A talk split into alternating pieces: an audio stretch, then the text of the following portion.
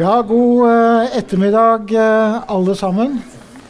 Mitt navn er eh, Rune Kjølstad. Jeg er daglig leder i Næringsforeningen.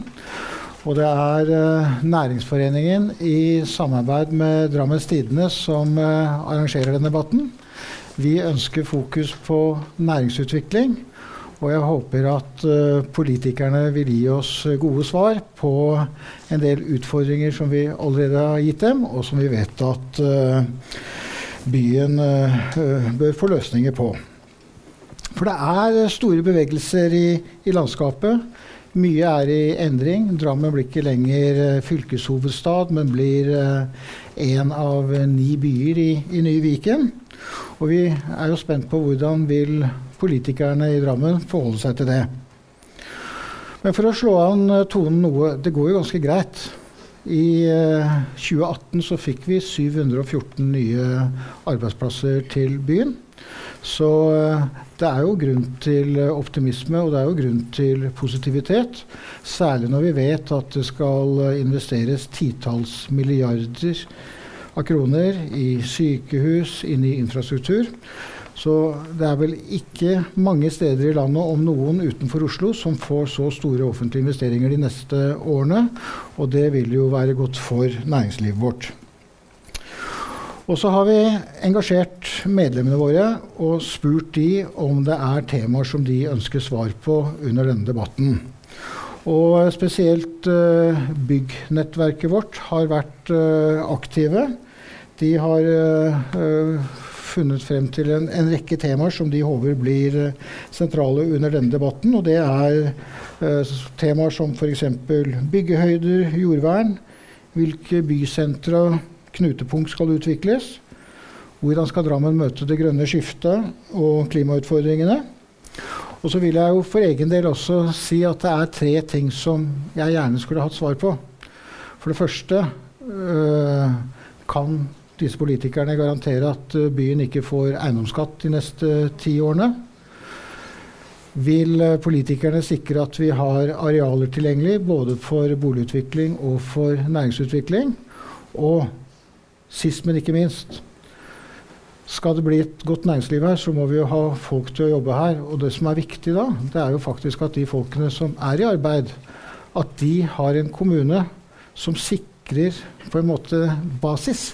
At man vet at når man er på jobb, så er det trygt å ha barna sine på skolen. Og de har noe å gjøre etter skolen òg. Og har du en gammel far eller en gammel mor som trenger pleie, så skal ikke du trenge å gå fra jobben for å håndtere henne, men det skal faktisk byen og samfunnet få til for oss. Det er viktige, svar, og, viktige spørsmål å få svar på. Selv om det ikke er direkte næringspolitikk, så er det allikevel knyttet opp mot det å, å jobbe og, å bo her i byen. Debatten den skal eh, ledes av uh, nytilsatt politisk redaktør i Drammens Tidende, Hege Breen Bakken. Men før vi slipper Hege til, og de politiske kandidatene til, så har vi gjort uh, en liten uh, vri på det. Vi har invitert inn én som ikke bor i Drammen, men som kjenner Drammen godt. En arkitekt som uh, har ansvaret for Brunosten, det nye hotellet og kontorbygget ved siden av. Og en som uh, leser Drammens Tidende hver dag. Og uh, han fortalte meg nå før vi gikk på at han er trønder, nemlig. At det er to typer trøndere. Det er kjapptrønder og tregtrønder. Og han er en kjapptrønder. Så alt det han skal formidle, har han lovt å greie å formidle på 15 minutter. Så Ole Vik, vær så god. Vi er spent på å høre dine betraktninger rundt uh, byen og muligheter, utfordringer. Og som jeg sa, du har jo på en måte nå satt litt spor etter deg allerede, og kanskje før. Så vi er spent på å høre deg. Et kvarter. Takk skal du ha.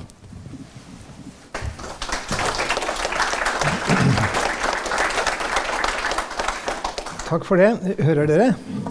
Det går bra.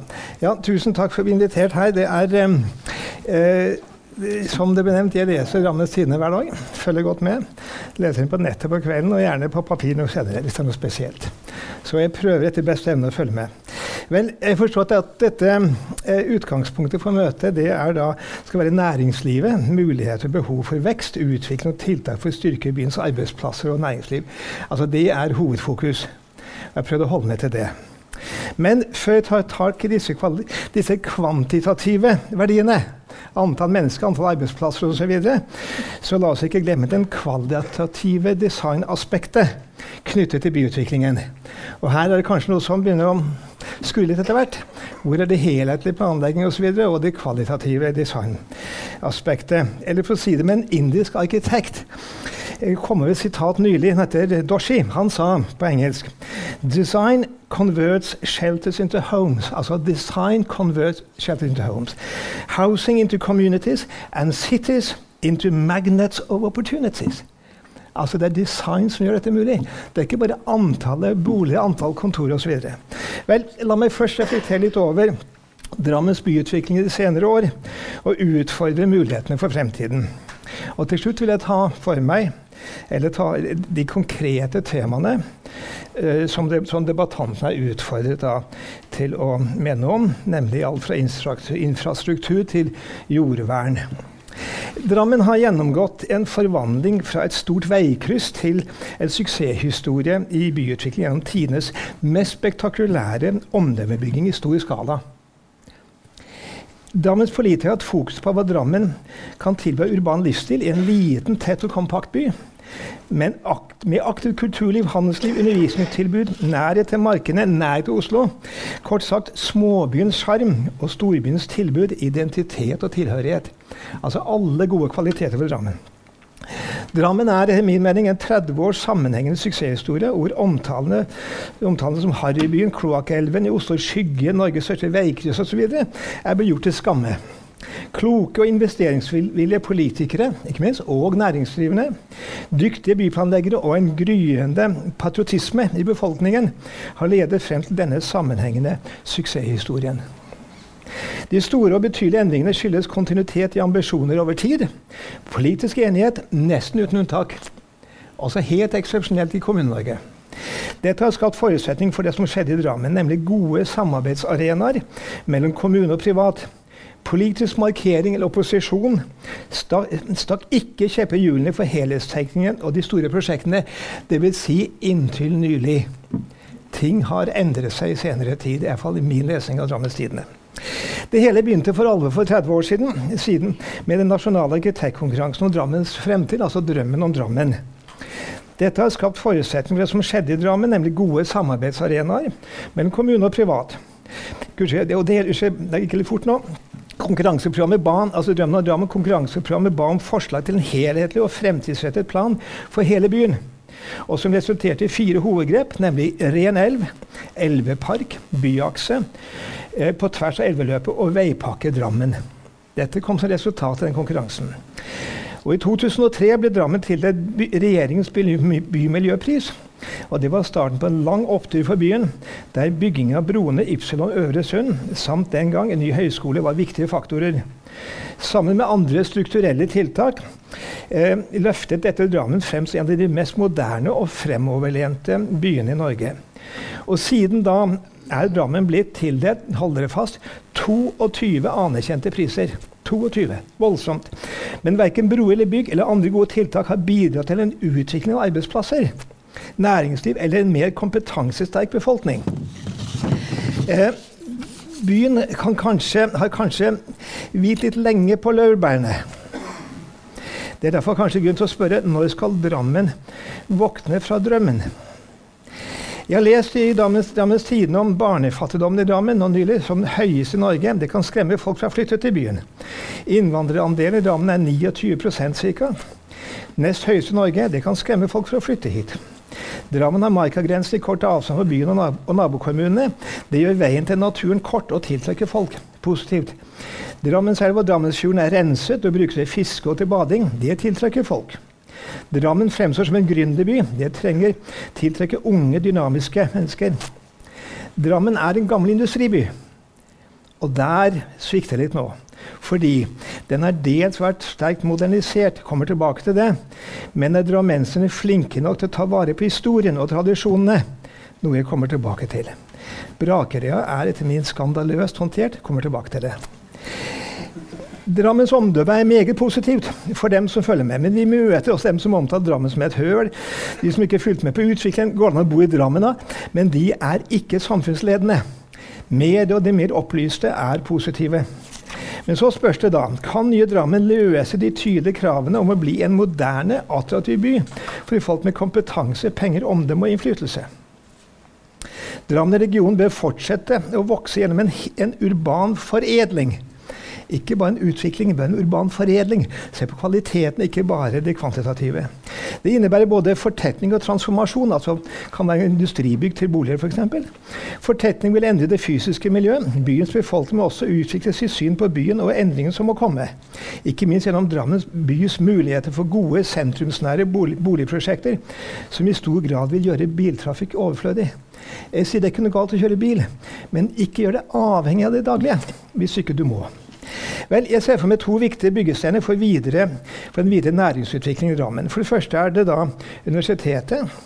USN, Universitetet i Sørøst-Norge. Det er Norges fjerde største universitet. 18 000 studenter, rundt 1600 ansatte. Og de tilbyr profesjonsorientert og arbeidslivsrettet utdannelse. Forskning og kunnskapsformidling høy internasjonal kvalitet.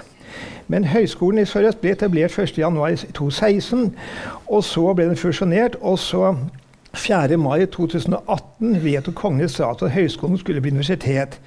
Men med åtte campuser. Og som dere vet er det Bø, Notodden, Porsgrunn, Rauland osv. mange.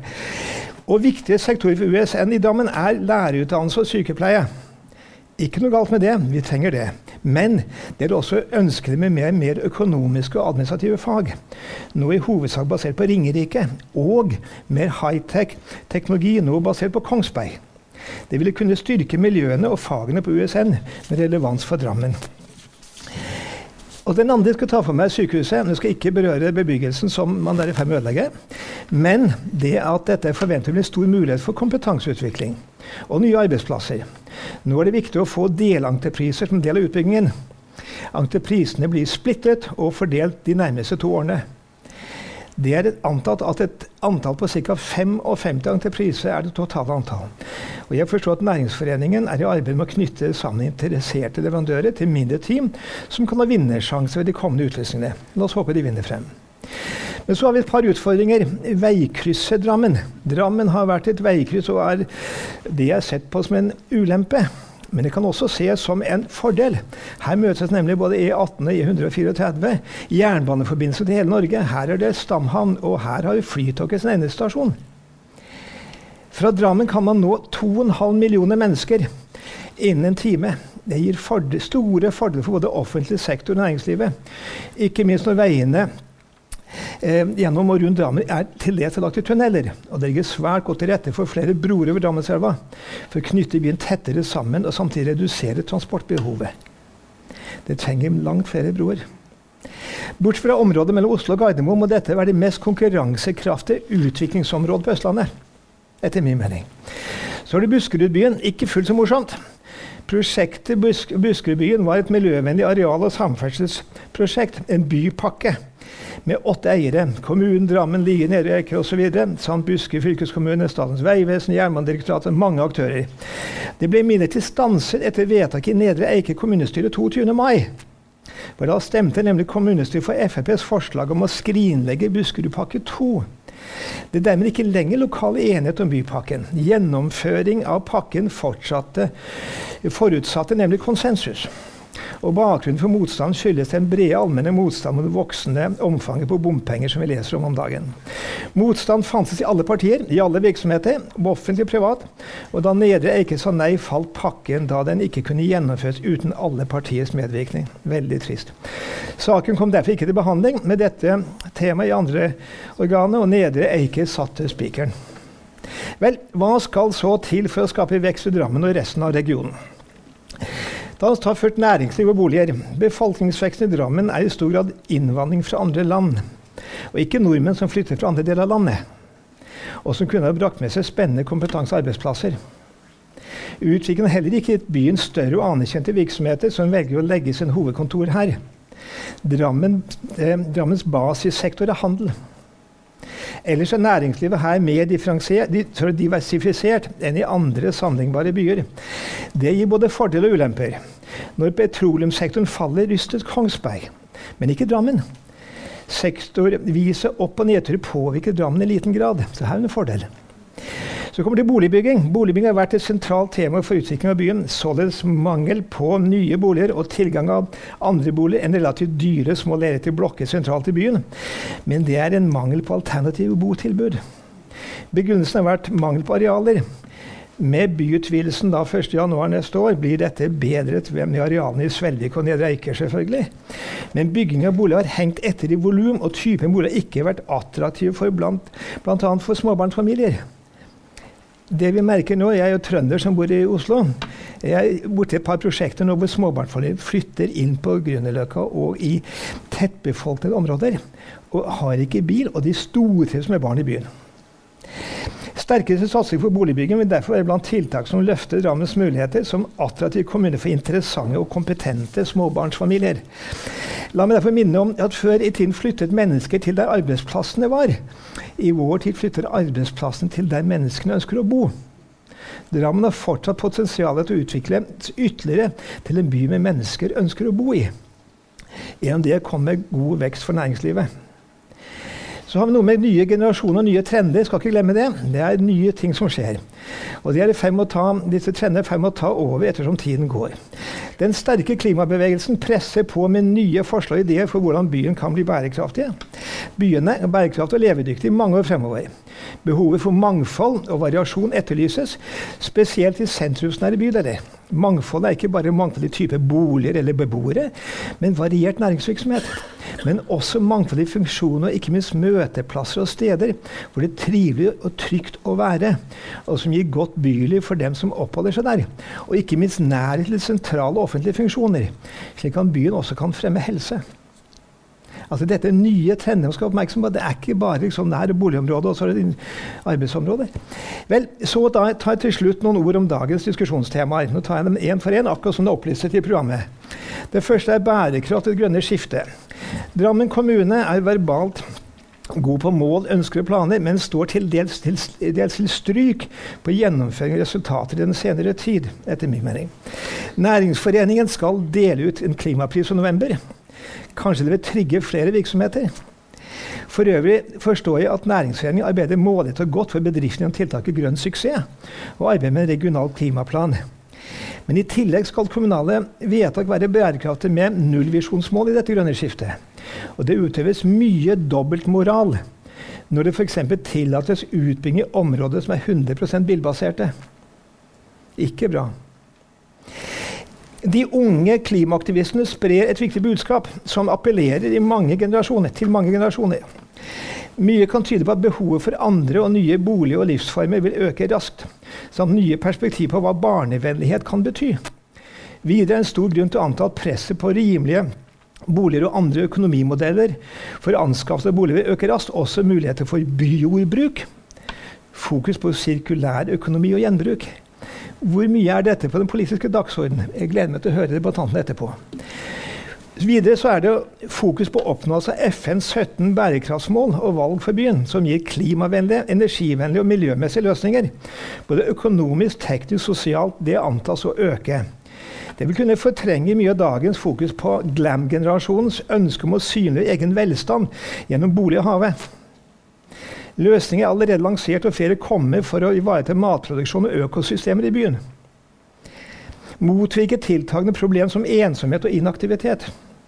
Med infrastruktur koblet til både folkehelse og behov for nærhet til sentrale offentlige funksjoner, slik at byen også kan fremme helse.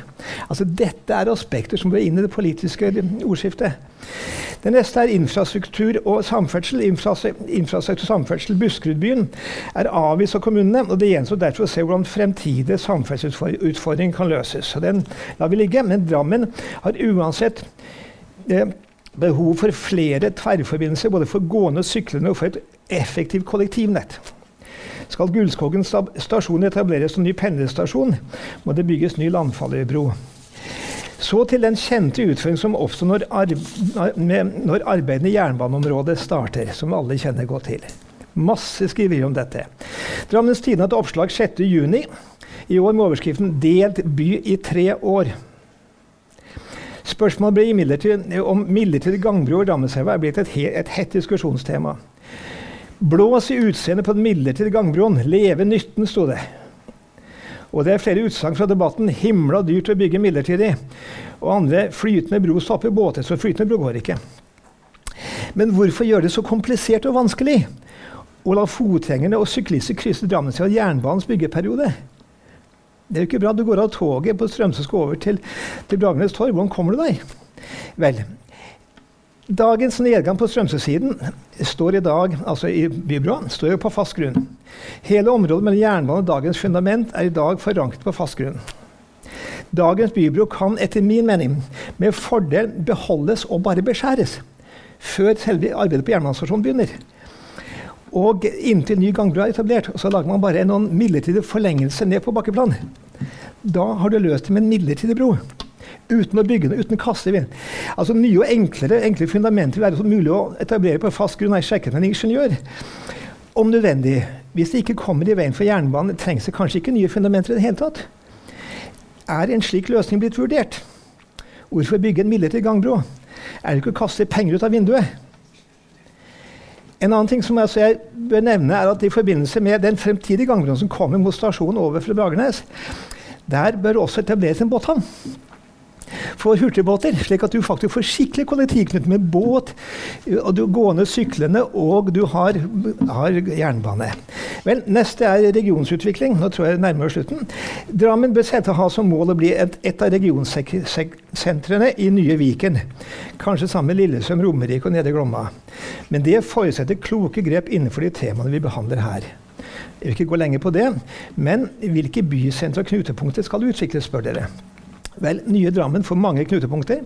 Kommunen er delt inn i ti bydeler. Det vil være en god strategi å samle spisskompetanse og tiltak stedvis, så ikke alle bydelene skal ha det samme av alt.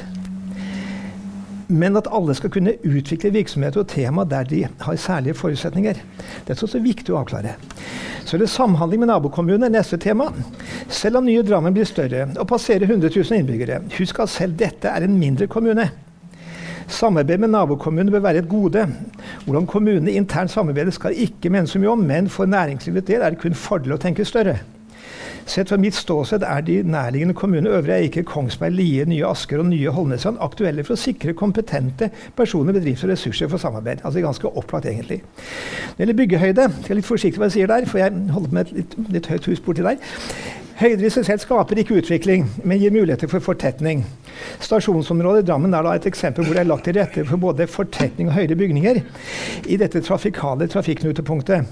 Her ligger det naturligvis til rette for korte forbindelser til offentlig transport, og som gjør privatbilen stort sett overflødig. Vi har nesten ingen parkeringsplasser, verken hotell eller næringsbygget. Man går til toget. Det er imidlertid viktig å integrere den høyere byggelsen i området for øvrig, og i, tillegg hensyn til å opprettholde viktige siktakser og kontakt med eksisterende landemerker uten at disse blir svekket. Design og materialvalg er også viktige elementer i utformingen. Og så kommer eh, jordvern eller nye ordet jeg liker så godt jordskam. Det er fly, slutt på flyskam, men nå er det jordskam. Med trange arealforhold blir jordvernet presset. Slik er det også i nye Drammen. Selv om også Svelvik og Nedre Eiker kan her kan bidra med utbyggingsarealer som ikke tar dyrket mark. Men skal Drammensregionen bli en foregangsregion for bevaring av dyrket mark, eller skal regionen bli, bli belastet med det nye ordet jordskam? Tenk dere om. Helt til slutt et lite hjertesukk. Drammens sjel det er ikke det som står av overskrifter, men jeg har lagt det til selv. Jeg synes det er litt viktig. Eksempler Brakerøya. Innenfor området er det en rekke bygninger som ikke bare representerer en viktig industrihistorie, men også representerer Lier og Drammens sjel. Rivegalskapen har her gått for langt. Det er ingen grunn til at deler av industrihistorien ikke kan tas vare på i forbindelse med sykehusutbyggingen. Nå er man i ferd med å fjerne historien er det riktig å radere ut historien. Det er fullt mulig å ta vare på noen av bygningene, og som vil skape en spennende kontrast til de nye sykehusbyggene. Det gjorde vi bl.a. på St. Olavs hospital i Trondheim. Skal Drammen være dårligere enn Trondheim? Grunnforholdene i Drammenselva er pekt på som årsak til at gamle bygg må rives. Det er vikarierende argumenter. eller motiver. Flommer i Drammenselva ble løst ved å bygge en vold rundt tomten, som de gjør i Nederland. Sivilingeniør Espen Abel Eng opplyser også at teknisk sett er ikke noe problem å la byggene stå, for flere er skikkelig fundamentert, enkelte til og med lange perler til fjell. Var bevaring gamle industribygg Papirbredden bare et blaff i byens interesse for historie og kultur? Når vil Drammen og Lie bli glad i, foran i forankringen til byens og områdets historie og kultur, som byens sjel, som selve basisen for god byutvikling? Det er ikke for sent, husene er ikke revet ennå. Takk for meg.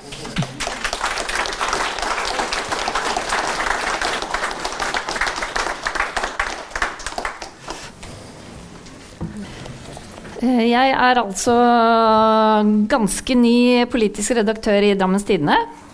Og skal lede denne debatten på kjappdrammensk. Skal vi prøve på det? Eh, velkommen til næringslivsdebatt i Drammen. Eh, hvem vinner kampen om Østlandet, har Næringsforeningen spurt om. Blir det kommunene på Romerike?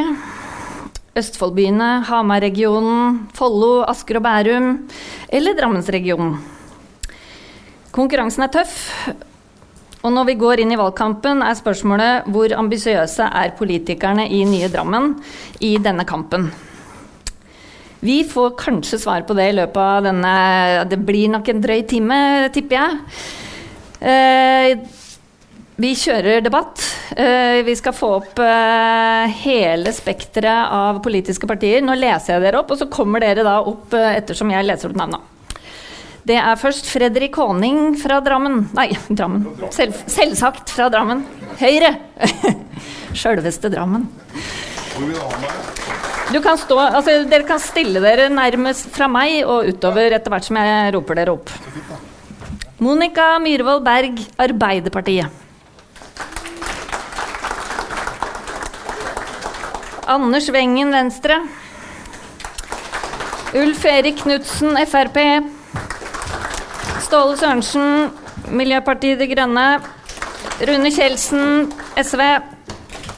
Trond Johansen, KrF. Simon Noranger, Senterpartiet. Og Anders Lunde, Nei til bomring i Drammen. Bra.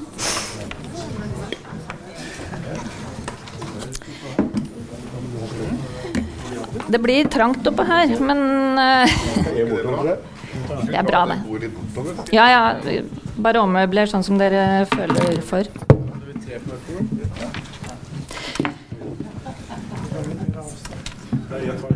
Ole Vik var inne på at uh, politikere må ta tøffe beslutninger. Så jeg tenkte at vi, vi kjører en liten runde nå uh, hvor dere skal få lov til å bruke de her ja og nei-skiltene. Skal øve på tøffe beslutninger. Noe er reelt, noe er litt mer sånn scenariotenkning. Um, så vi kjører i gang. La oss si at Skal vi se Der. Google har kjøpt opp uh, nærmere 2000 uh, mål i Skien. Dette er jo reelt. Er dere litt misunnelige på Skiensordføreren som feiret dette med kake? Ja eller nei? Ja, det var uh, nesten det. Trond Jansen, hvorfor er, er du ikke misunnelig på dette? Jeg tror det var kaka, jeg. Nei. Det Var ikke det, da. Nei, men jeg syns han godt kunne spandere kake når han hadde lykkes. Ok. Men det var, hvis du mente at Drammen gjerne skulle ha på arbeidsplassene, så sier jeg ja. Ja, ok. Det var det jeg mente. Er du da enig i det òg, eller? Nei, jeg mener Den virker ikke, det. Eller gjør den det? Birger? Nei, virker ikke. Eh, men jeg kan snakke høyt, jeg. Nei, jeg mener at vi har et, eh, jeg mener at vi har et eh, godt næringsliv i i Drammen som vi kan utvikle videre, istedenfor å, å gjøre det. Det syns jeg er sånne dataparker veldig store, veldig dyre, krever mye strøm og genererer veldig få arbeidsplasser. Greit. Da går vi ned til et annet uh, dilemma. Petter Stordalen ønsker å kjøpe hele Holmen og bygge Norges viktigste øy for bærekraftutvikling og legge ho hovedkontoret for EAT der.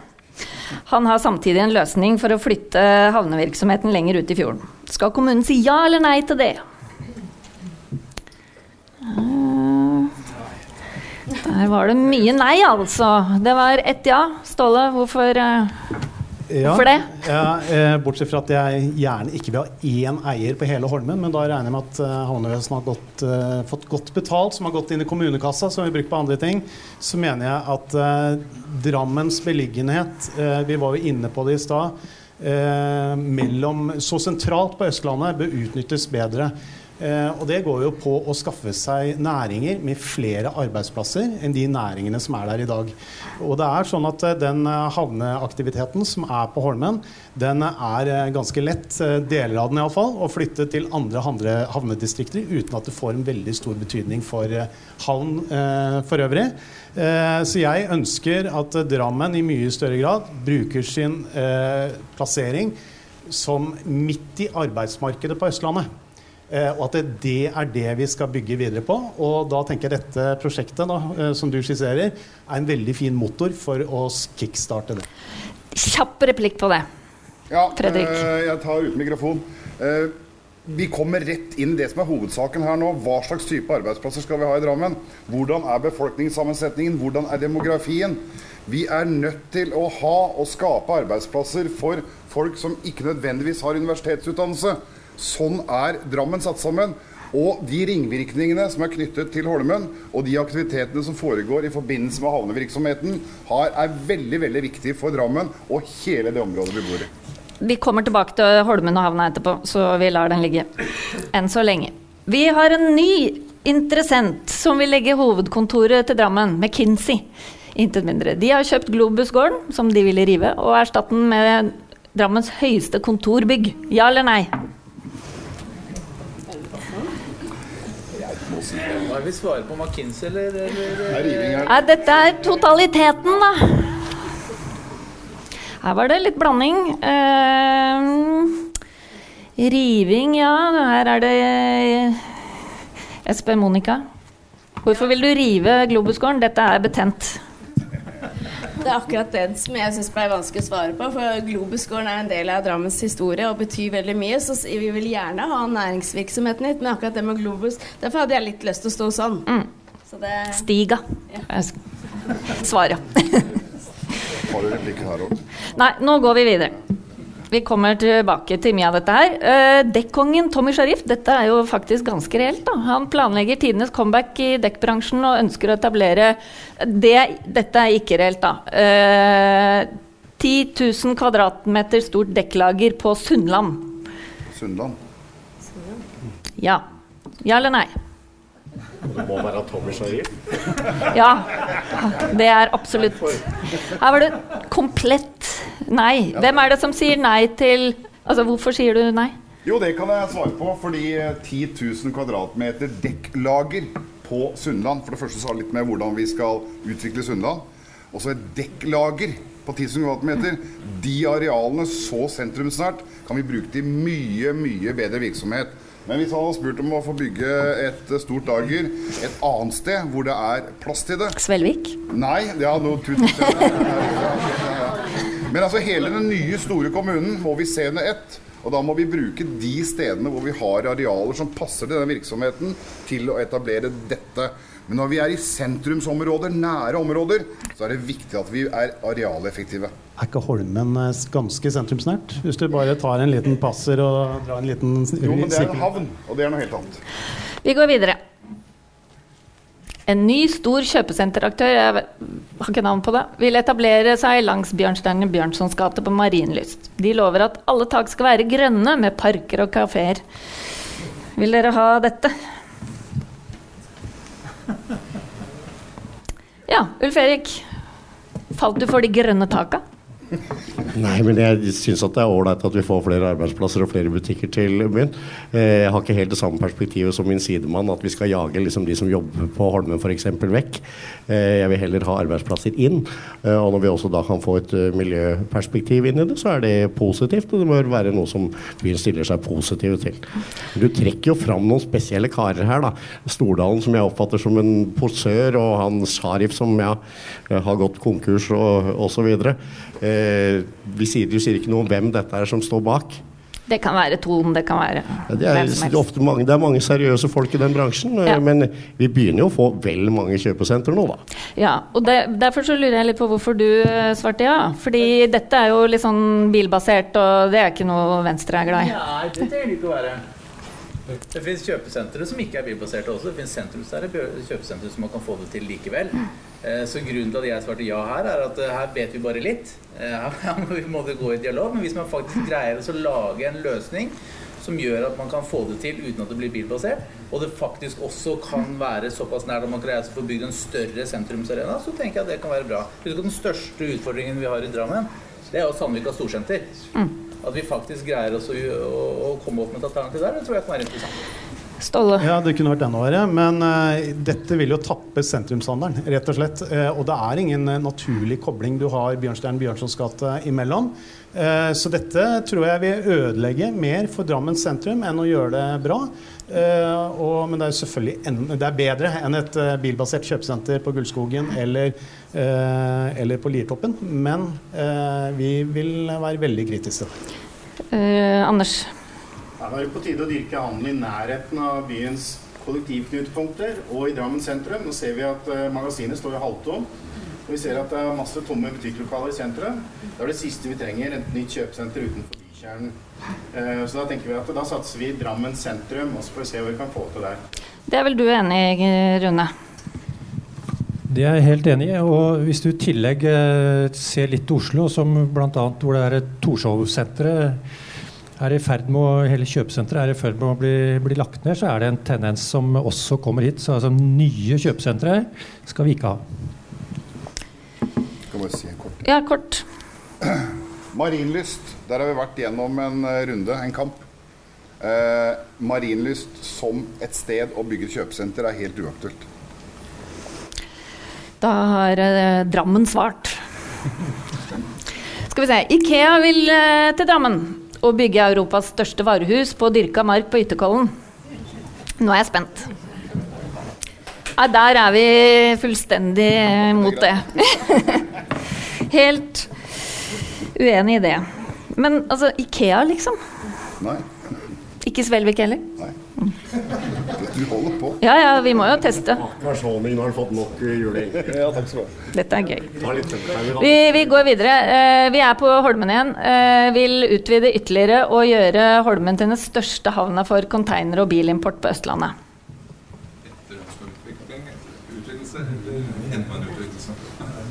Mer enn nå. Ok, Ulf Erik, hvorfor usikker nå? Ja, altså det foreligger jo noen gode planer som eh, flertallet i formannskapet har slutta seg til.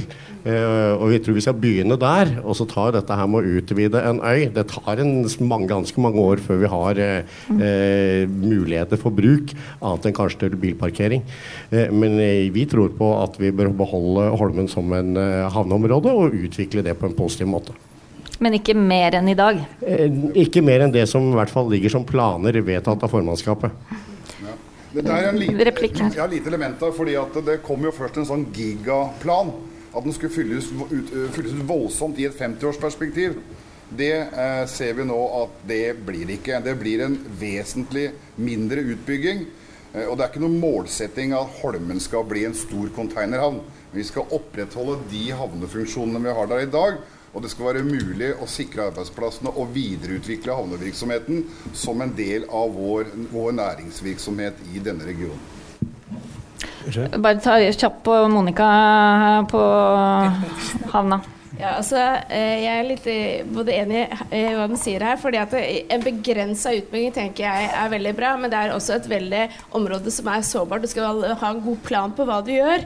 tenker jeg. Det som vi går veldig for, er at den skal være intermodal eh, havn, hvor du kan få varer, store varer inn og flytte videre. Jeg tenker Det, det å få en levende havn sånn, det er viktig, men ikke bare for biler og sånne ting. Ja.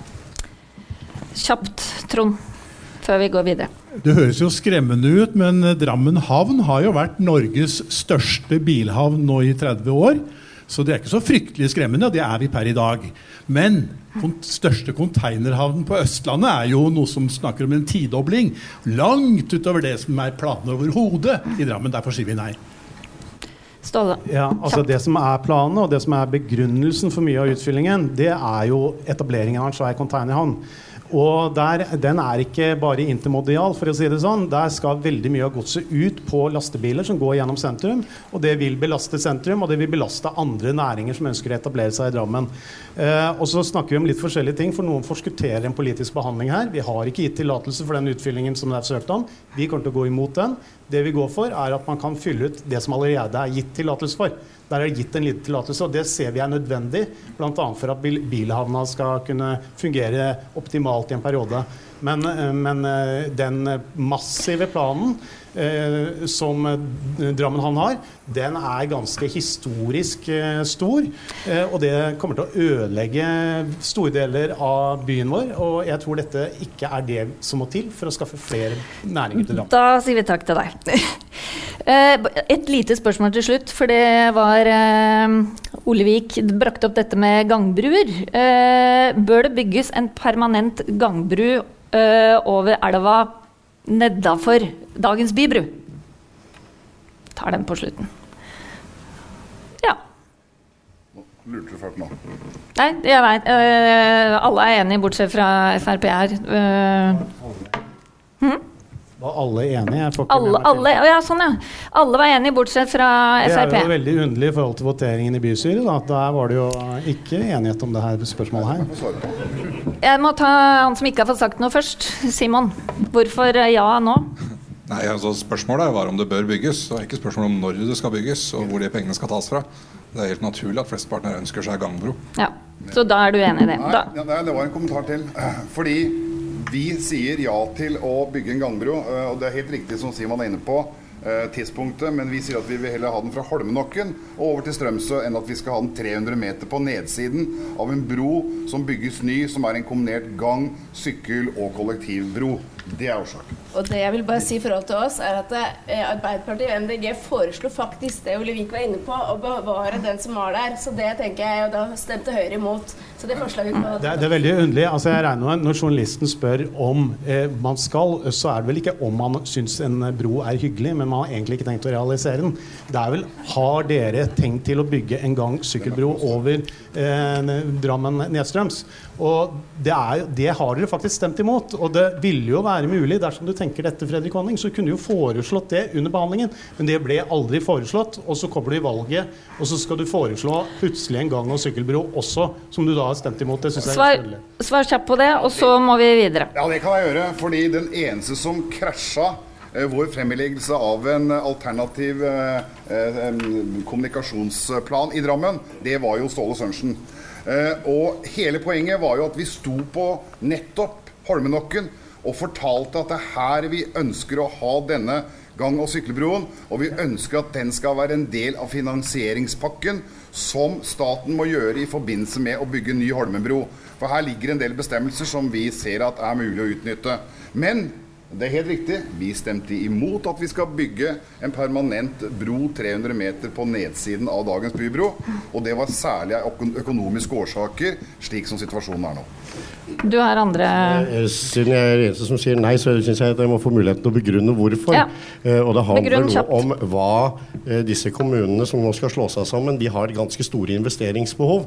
Det er ikke det at vi nødvendigvis sier at vi nei, vi skal ikke ha noen nye bruer. Eh, men det er altså, det går 120 millioner på en sånn bru.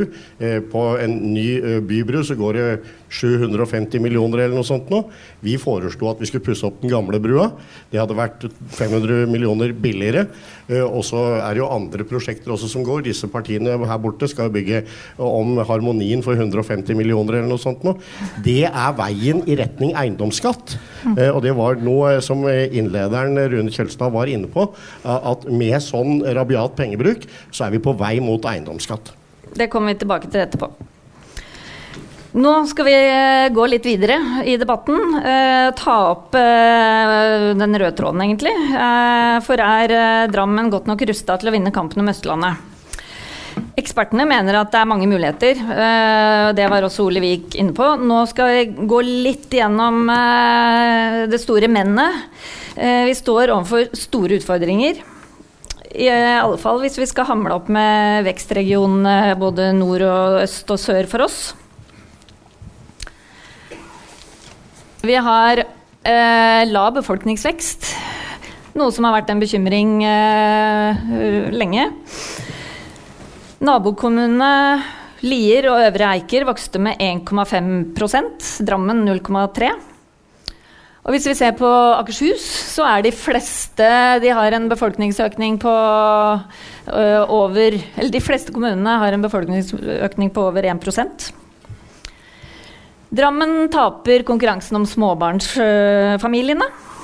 Gjerne de med høy utdanning og inntekt. Uh, og det er uh, først og fremst arbeidsinnvandrerne fra Øst-Europa som står for befolkningsveksten i Drammen. Det er like mange polske som tyrkiske innvandrere i, eh, i byen. Og innvandrerandelen er på rundt 30% Sist uke Ole Vik var inne på det, eh, kom nyheten om at Drammen topper statistikken over barnefattigdom. Over 18% av alle barn i Drammen bor i en lavinntektsfamilie. Og Drammen har gått glipp av over 600 arbeidsplasser siden 2012. Det er en relativt lav, uh, utdannings, eller lavt utdanningsnivå i Drammen, sammenlignet med områder i og rundt Oslo. Dette er bare noen eksempler.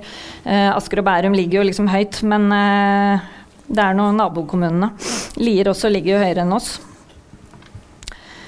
Med politireformen eh, og fylkessammenslåingen så forsvinner flere offentlige arbeidsplasser. Eh, sam, denne samlokaliseringen, eh, eller operasjonssentralen, forsvant jo fra Drammen til Tønsberg. Og fylkeskommunen, om ikke mister alt, så kan man miste en god del. Det veit vi ikke helt ennå. Det er heller ikke flytta så mange store, moderne kunnskapsbedrifter til Drammen de siste, de siste åra.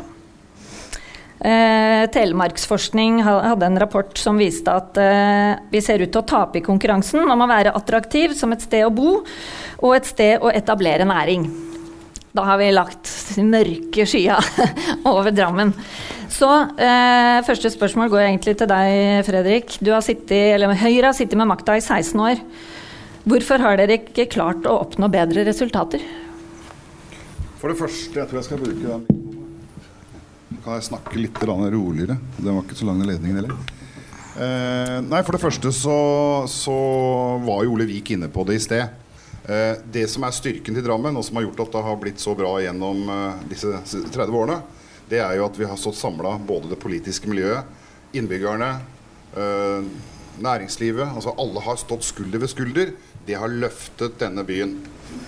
Så må vi også huske på at nå skal vi snakke om det, hele den nye, store kommunen, bare sånn at vi ikke glemmer det, for det ble litt utelatt i Ole Viks øh, innlegg her.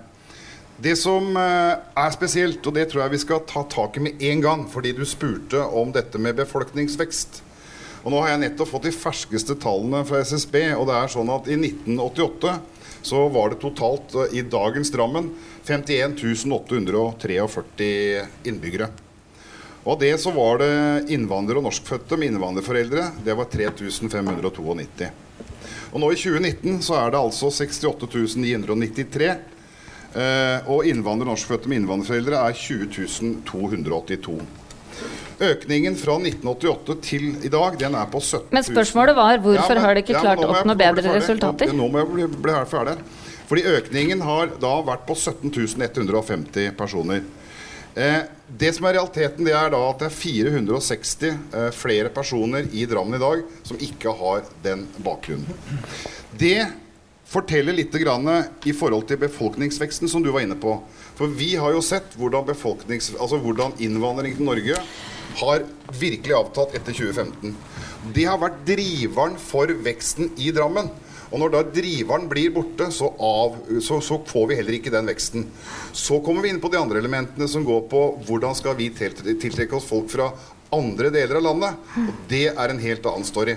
Og da må vi sette inn helt målretta tiltak på næringsutvikling, på omdømmeskaping eh, og på alle mulige forhold knytta til boligutvikling, til næringsutvikling osv. osv. Men det regner jeg med at du vil at vi skal komme nærmere inn på. Men det er et samla politisk miljø, mer eller mindre, som har stått bak den utviklingen vi har sett gjennom 30 år. Og så har det da blitt 0,5% økning fra 2017 til 2018 og 0,3 fra 2018 til 2019.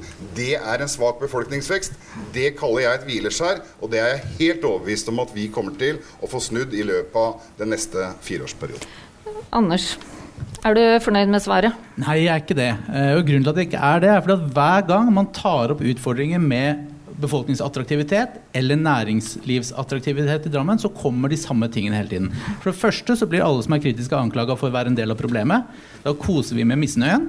For det andre så sier man nei, det er ikke vår skyld. Det er alle andres skyld. Det er pga. at vi har så stor innvandring. Det er fordi at, ikke, fordi at de, det beste jeg har hørt, var at det er fordi at man gjør det så bra i Østfold. Derfor så gjør ikke vi det bra. For et par måneder siden så var det altså byen vår Drammen og DNB hadde en konferanse. Og da kom Fredrikstad dit. Og de, og de er jo nå kjempegode. De fyller butikklokalene sine. De har kjempevekst. Og hva sa de? Jo, det sa det viktigste vi gjorde, det var å erkjenne at vi faktisk hadde utfordringer. Og så faktisk ta tak i de utfordringene og gjøre noe med det. Det Honning gjør, med god hjelp fra dessverre Næringslivsforeningen, er å si at hver gang noen er kritiske, ønsker å løfte debatten og ta tak i problemene, så koser man med misnøyen og er en del av problemet.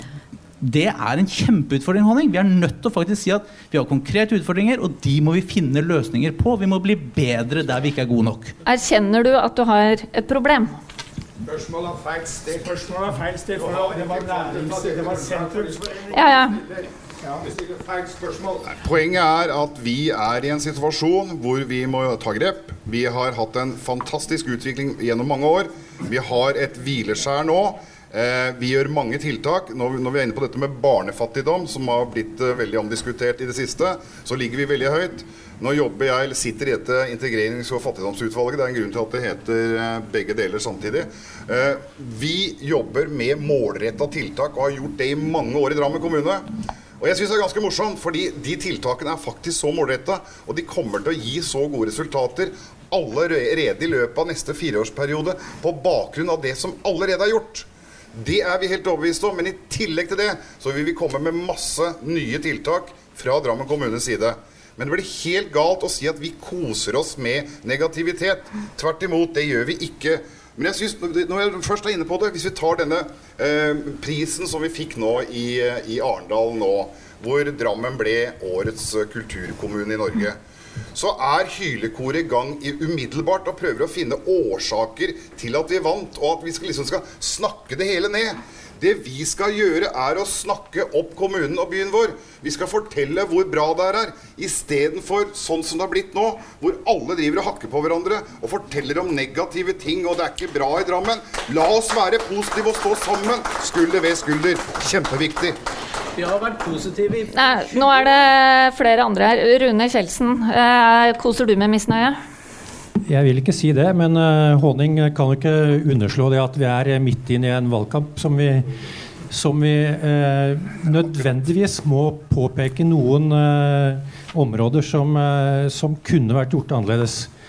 Eh, noe av grunnen tror jeg til at vi eh, ikke er attraktive på innflytningsmarkedet, er jo fordi barnefamilier ikke finner boliger eh, som er attraktive nok. Og noe av grunnen til det er jo at eh, det er eh, ti år siden de starta jobben med Buskerudbypakke. Vi har ennå ikke kommet i mål med den. Det blir ingen Konnerud-nedføring. Det blir ingen tilfartsvei vest. Det blir ikke noe mer utbygging av boliger på Konnerud. Blant annet som hadde vært attraktiv for, eh, for barnefamilier. Og vi har sagt hele tida at denne kommunen må ha en næringsminister. Så det må opprettes en næringsavdeling i kommunen for å tiltrekke eh, arbeidsplasser til kommunen. Jeg vil spørre deg, eh, Monica. Du er jo hovedutfordreren til Fredrik Honning her. Ville det egentlig blitt noe bedre resultater med Arbeiderpartiet? Hva er liksom deres medisin? Altså, det er jeg helt sikker på. Har jeg lyd? Ja. Eh, fordi Ole Vik var inne på det. Det handler om å være framoverlent. Og det er det lenge siden vi har vært. Og det er det jeg tenker det, at uh, vi må ha, være eh, politikere som er tydelige. Vi må ha en god plan. Vi må samarbeide med næringslivet og ikke la næringslivet styre. Må, vi må vite hvor vi vil hen, men det er politikerne som skal styre det. Men holder det å bare være framoverlent og lage en plan? Nei, bare sånn som nå, nå mista Drammen Asfo til Sande, og så klapper vi for at vi fikk det i nærheten. Og så jeg tenker sånn, Nå skal vi bli en faktisk stor kommune. Det er, vi snakker ikke bare om Drammen by. Hvis du ser bare til Nedre Eiker, se Herstrøm-området, ferdigregulerte næring. Se Orkidéhøgda i Mjøndalen, ferdigregulerte næring. Se Åserud, ferdigregulert næring. Vi har så mye plass vi til næring, så det er bare å komme og utvikle. Så bare, eh, Det er noe med å ha og sett, og den har vært Arbeiderpartiet-styrt, så vi veit åssen vi gjør det. Du står og klapper, eh, Ulf Erik. Er det Nå er det jo uh, det, det, De har gjort bra her. ting oppe i Nedre Eiker, Arbeiderpartiet også, men uh, de har jo kjørt kommuneøkonomien rett vest. Sånn at uh, Monica vil gjøre det samme for Drammen som hun har gjort for Nedre, Arbeiderpartiet har gjort for Nedre Eiker. Jeg håper ikke det skal skje. men jeg syns det var veldig befriende å høre innlederen i dag, som var, faktisk var den første sånn, som ikke er Frp-politiker, som har sagt det at det kan faktisk være en grunn til at folk ikke flytter til Drammen, det at vi har 30 innvandrere. Hvis vi ser på enkelte bydeler i Oslo, så flytter også etniske uh, norske ut. Og vi er de eneste som i og for seg har sagt at det er en utfordring. Så vi har noen enorme integreringsproblemer i, i denne byen her. Men så er det en ting til som vi har gjort feil. Og det er at vi har bygget fryktelig mye leiligheter for 50-, og 60- og 70-åringene. Og det er ikke akkurat den derre barnefamilien som har tenkt å bo her og betale skatt i lang tid. Så hvordan skal du få der, barnefamilien inn i Drammen? Der må vi begynne å gjøre noe helt helt annet enn det vi har gjort. Og hva da? Ja, Bl.a. å legge til rette for småhusbebyggelse eh, på en positiv måte. Så er det jo enkelte som er fryktelig negative mot, eh, mot uh, det, for da, man, da, må man kjøre bil osv. Men hvor vil du ha den småhusbebyggelsen? Det finnes randsoner i Drammen, i, rundt Åskollen. Det finnes fantastiske steder i Nedre Eiker. Finnes, jeg kjenner ikke Svelvik godt nok, eh, men det finnes helt sikkert områder der også. Vi må prøve å få inn gode skattebetalere, og ikke bare Nav-klienter, som er det vi har importert i stor grad. Fremskrittspartiet er de eneste i bystyret som har sagt at nå må vi bremse denne innvandringen, mens de andre putter stadig på nye flyktninger, innvandrere osv. Det, er, eh, det er et stort problem for Drammen, og er en grunn til at folk velger å flytte til Røyken, Lier eller Øvre Eiker sted. Jeg vil øh, til øh, Trond Johansen og plukke opp det her med øh, boliger for småbarnsfamilier. har du hva er det KrF Hvor er det dere vil bygge for denne attraktive gruppa? Altså, Vil dere spre det utover? Det, det er jo så stort, dette temaet, først. Altså arbeidsplasser Nå er vi liksom på næringspolitisk, men det er klart at antall mennesker som flytter inn til Drammen, altså befolkningsutviklingen, er vesentlig. Og boliger er veldig vesentlig i det. Og så var det snakk om skole og barnehager og alle de tilbudene som også betyr noe. Men det som virkelig betyr noe for folk, er jo arbeid. Veldig vesentlig, også i forhold til om det er Nav-klienter eller ikke. Og det å påstå at 30% av Drammens befolkning i vesentlig grad er Nav-klienter, det er jo løgn og tullesnakk i denne sammenhengen. Så akkurat, Men så er det også da i den politiske debatten i Drammen nå sagt at vi skal bygge altså Alle boliger i dag skal jo ha enda mer isolasjon, mer tetthet. altså De har masse nye krav til boligene som fordyrer og fordyrer og fordyrer. Det er den offentlige delen av det. Eh, og for så vidt miljø- og klimadel. Samtidig så er det noen da som sier at ja, men det skal bygge for mye billigere pris likevel. Det går ikke an. Så billig, bygge billige boliger det er ikke mulig å få til, tenker jeg for det første. Men at vi skal ha et variert boligtilbud, og at vi skal se på hvordan vi kan fortette på en rimelig måte, jeg, jeg kan ikke si høyden på husa, for det sitter jeg ikke med. Men Jeg har ikke noen løsning på det. Men at, at mye av nøkkelen, og særlig i statistikkene, så er det viktig at vi får opp flere innbyggere. Flere boliger må til for å få det til, og det må vi få til. Det er jeg helt overbevist om. Arbeiderpartiet har jo sagt at dere vil bygge flere boliger for, uh, for alle. Altså rimelige boliger. Men er ikke det uh, feil uh, medisin når vi vil ha inn disse uh, andre familiene som har høy utdanning, høy inntekt osv. Det står to stykker der som har vinka nå et kvarters tid. Ja da. Vi kommer til dem. I næringsdebatten er det at jeg Ja da. Du har fått sagt noe. Jo, jo. Sånn. altså. Vet du hva, Hege? Vi vil ha bolig for alle. Eh, det er helt sikkert. Eh, og det som skal sies, som ennå ikke har blitt sagt her, det er at Drammen er en av de stedene som flest vurderer å flytte til. Så det skal søren ikke så mye til. Eh, jeg tenker det at Vi må bygge sånn at de studentene som kommer og går her, og vi ønsker flere av dem, faktisk når de er ferdig, blir her og etablerer seg her. Vi må ha at de eh, i alle ulike klasser Men det som vi ønsker mest av alt, er at det er mangfold og variert i området. Men du må kunne kjøpe din egen bolig, du må kunne leie din egen bolig. Og det gjør noe med prisene her. Og da må vi som kommune ta tak, og vi må regulere og sette inn kriterier som gjør at det er mulig. Jeg bare eh, holder litt på deg eh, litt til. fordi at eh, du fikk, eller Arbeiderpartiet fikk en utfordring på Facebook i helga. og Nå er vi inne litt på det her med hva slags type næring vi skal ha. Fordi dere ble utfordra på at noen mener at nye Drammen må bli flinkere til å få flere industribedrifter til byen. Sånn at uh, nettopp folk som ikke har så lang utdanning eller uh, uh, høy inntekt, kan få seg en jobb. Vi må regulere Sunnland til industripark, ikke skole, fotball, dans og teater, skrev denne kommentatoren. Det er jo noe i det òg. Det er kjempeviktig å ha variert. Og det er det som også ble sagt av Olevik igjen i stad, at det er det som er styrken vår med mangfold av, arbeids, eh, av arbeidsplasser. Så vi bør absolutt komme tilbake og få mer igjen av industri. Men nei, jeg tenker ikke at Sunnland er det området. Så det er det at vi må ha nok, næringsplasser til hvor vi ønsker hva. Og det er vi som skal styre og se hva som er best, og hvor det skal være beliggenhet. Det er det viktige. Simon har også vært på dette sporet nylig i forbindelse med saken om barnefattigdom. Eh, Kan du utdype det litt, og hva du mener med varierte arbeidsplasser? Nei, det er jo nettopp som du snakker om at uh, vi er avhengig av produksjonsbedrifter. Produksjonsbedrifter det er grunnlinja i næringslivet. Og det å bare forvalte det videre, det er dårlige penger. Vi må først produsere, så må vi foredle eventuelt de råvarene vi får tak i, deretter distribuere dem. Vi ligger i knutepunktet av det som er Buskerud. Vi har all mulighet for å forvalte den næringa videre med gode penger. I stedet nå, så, sånn som det er i dag, så tar vi f.eks. tømmer, som kanskje er det største grunnlaget vi har i Buskerud, og så sender vi det på tog til Sverige. Det er, det er et stort potensial i det. Og den, og, og den, den befolkninga vi har i Drammen, vi må akseptere hvem Drammen faktisk er.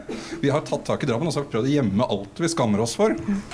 Gjemt industrien, Vi har bygd ned industrien, vi raserer det. Og det er de tomtene som er lagt opp til fremtidig næringsutvikling i Drammen, det, er- det blir jo bygd ned. Alt sammen. Det er ikke noe igjen. Er du enig i det, Anders? Nei, det, det, Hallo? Det jeg syns er interessant med, med debatten, er at den er på en måte prega av det som har skjedd de siste årene. Og det er at Politikerne er altfor flinke til å bruke munnen og prate. Altfor dårlige til å bruke øra og høre. Og Det det mangler de siste fire år, det er jeg ganske sikker på, det er dialog med bedriftene. Man må ligge i forkant, må ut og snakke med bedriftene i Drammen og rundt Drammen og høre hva planen deres fremover. Hvordan kan vi bidra til å legge til rette for at dere skal kunne vokse dere større? Og så må vi kunne snakke med dem og høre hvordan kan vi legge til rette for at dere ønsker å etablere dere i Drammen. Det er dialogen som har vært en av de store minuspunktene i Drammen de siste årene. Da har vi sett plutselig dukker opp masse ny informasjon i etterkant at man har takket nei til bypakka, som var et makkverk som ikke ville løse Drammens utfordringer, verken på miljø eller samferdsel. Det er masse muligheter til å nå, etter at vi har sagt nei, skal vi endelig gå videre og utvikle Drammen til en flott by. Men da må vi prate mindre, og så må vi snakke med bedriftene og se hvordan vi kan ordne. Og så har jeg sett at Drammen har vært veldig flinke til å fremsnakke byen og fortelle hvor fin Drammen er. Men de har ikke vært like flinke på å gjøre Drammen til en bedre by. Men hvordan skal dere gjøre det til en bedre by? Og hvordan skal du vinne kampen om Østlandet med bompengepartiet? Det er dialogen, det er tilrettelegging, og så er det en siste ting, det som Simon var inne på nå. Altså Når vi ser at barnefattigdom i Drammen er høy, og vi ser at vi trenger Altså vi har mange med lav utdannelse, og de trenger jobber, så kan vi ikke bare snakke om eh, fintech og, og gründer og høyteknologi, men vi må også snakke om å legge til rette for bedrifter som krever ansatte med lavere utdannelsesløp. Så jeg snakker om dialog og tilrettelegging i forhold til de befolkningsgruppene vi har. Kanskje på et eller annet tidspunkt når man blir tredje- og fjerde generasjons innvandrer, kanskje dere klarer å omtale dem som nordmenn. Og så fokusere på innbyggerne i Drammen. For det er mye større sjanse for at innbyggerne i Drammen får nye politikere, enn at politikerne får nye innbyggere. Takk. Ståle, Ja, eh, er vi skal det ikke mer, ha mer for ny- de som bor her? Ja, Vi skal ikke ha nye innbyggere, vi skal ha flere innbyggere. Eh, Og vi har ikke lykkes med å få flere innbyggere. Og vi skal få flere innbyggere, så skal vi få gode skattebetalere, som du snakker om. Vi skal få folk med høyere utdannelse. Vi skal ha folk som driver med kultur, og som skaper liv og røre i, i byen. Og da tror jeg det Ole Vig var inne på i utgangspunktet her, det var jo at folk, eh, arbeidsplassene flytter etter boligene. Altså Klarer vi å skape en attraktiv by som folk ønsker å bo i, folk har lyst til å gå i, folk har lyst til å oppholde seg i, så vil arbeidsplassene følge med. Og så skal vi selvfølgelig gjøre masse for å legge til rette til det. Og de, eh, I disse valgkamptider så går vi og ringer på dører rundt omkring i hele byen, og da ser du veldig fort hvem som bor hvor. Og det er et gjennomgående mønster at hvis du kommer ut i en trafikkert vei eller et område som det er mye trafikk, så er det nedslitt. Eh, og det er mye eh, folk som bor der over kortere basis, da gjerne arbeidsinnvandrere og sånn, som jobber der eh, eller leier billig i en periode.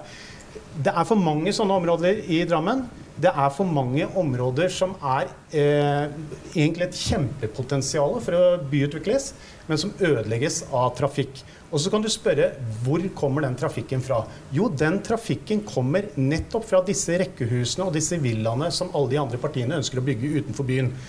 De skaper en belastning som indre by tar. Og da spør en på Grünerløkka hva er det som skal få deg til å flytte til Drammen. Det er ikke et rekkehus på Knivåsen. Det er ikke det som skal få han til å flytte til Drammen.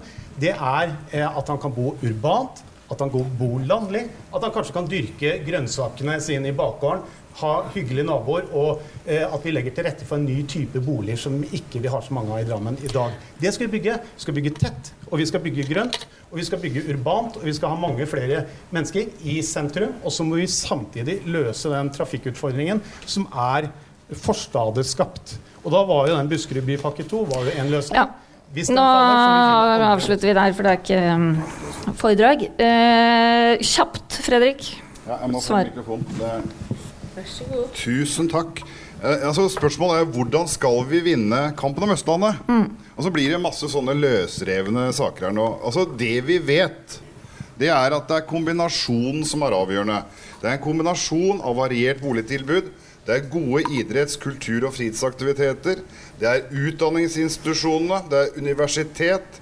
Det er høyskoler, variert næringsstruktur. Det er å bygge på de naturgitte forutsetningene, som nettopp Ole Vik var inne på. Det er veien, jernbanen, sjøen. eh, Og selvfølgelig gode rammer til innovasjon og utvikling. Og så er det den ombygge, omdømmebyggingen som jeg var inne på i sted. Men vi må stikke fingeren i jorda. Vi må se hvor vi er i dag. Vi må kunne ha to tanker i hodet samtidig. Vi må ha arbeidsplasser for de som bor her i dag. Og vi må tenke fremover og skape arbeidsplasser for fremtiden. Dette er du vel enig i, Rune? Det er jeg helt enig i. og Noe av forutsetningen da er også å beholde de arbeidsplassene vi har. Sånn at vi kan ikke skremme eh, Ramberg og alle andre som vi, ikke, som vi ikke liker, ut av byen. Vi må beholde de arbeidsplassene vi har på Holmund, på Sunnland eh, og i Svelvik og Nedre Eiker for den saks skyld. Beholde dem og skape nye ved å ansette folk i kommunen som har det som eneste oppgave. Jeg tror den kommunen som faktisk har vedtatt det at vi skal beholde de arbeidsplassene vi har, den har ikke skapt en eneste ny arbeidsplass. For det er faktisk ikke sånn det fungerer i virkeligheten. Det er sånn at Skal du skape nye arbeidsplasser, så må du noen ganger ta noen tøffe valg. Hva slags by skal vi være, eh, og hvor er det vi vil? Ja, Vi må gå litt videre. I fjor så ble det kjent at en av de store merkevarebedriftene, Bergans, glapp ut av hendene på Drammen på veien til Asker. Kommunikasjonssjefen der, Anders Nessem i Bergans, uttalte til Drammens Tidende om de to tomtene de ble tilbudt i Drammen. Sitat. Dette med knutepunkt og kollektivt er viktig for oss. Lokalene vi så på i Drammen ville medført 15-20 minutters gangavstand til stasjonen én vei. For oss er ikke det nært nok. Vi er en bedrift som har fokus på miljø. Det handler, det handler om alt, fra vannforbruk til kjemikalier. Da må, vi ans da må vi ansatte gå foran med et godt eksempel. Dette er bare ett eksempel på en utvikling vi ser mer av, og som Ole Vik var inne på. Bedrifter og næringer som tenker bærekraft i alle ledd. Men henger dere politikerne med? Fredrik, du skal få svare på det. Ja, det er Politikerne snakker Altså, dere kan stille mye krav, men har dere også det tilbudet eh, som næringslivet nå begynner å etterspørre? Du, jeg er veldig glad for akkurat den saken du kom med der, for den kjenner jeg til punkt og prikke. Fordi jeg driver jo med næringseiendom og næringsutvikling. Eh, og det er sånn at Grunnen til at Bergans flytta dit de gjorde, var at de fikk en kjempedeal med den som ga dem tilbud om å flytte dit de gjorde gjennom at de kjøpte den eiendommen som Bergans var, var, i. Og dette vet man veldig godt i Drammens Tidende. Så dette var en spesiell case. Og så kan man da selvfølgelig pakke det inn på alle mulige måter, men dette var økonomisk motivert. Det var årsaken. Det skyldtes ikke at ikke vi hadde de nødvendige arealene her i Drammen, så det er feil.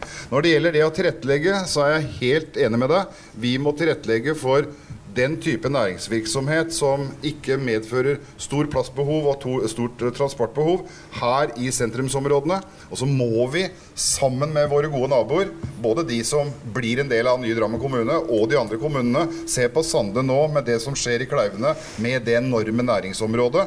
Vi må være i stand til å samarbeide og bruke arealer som ikke er matjord. Det er viktig, vi er veldig opptatt av mm. matjorda vår.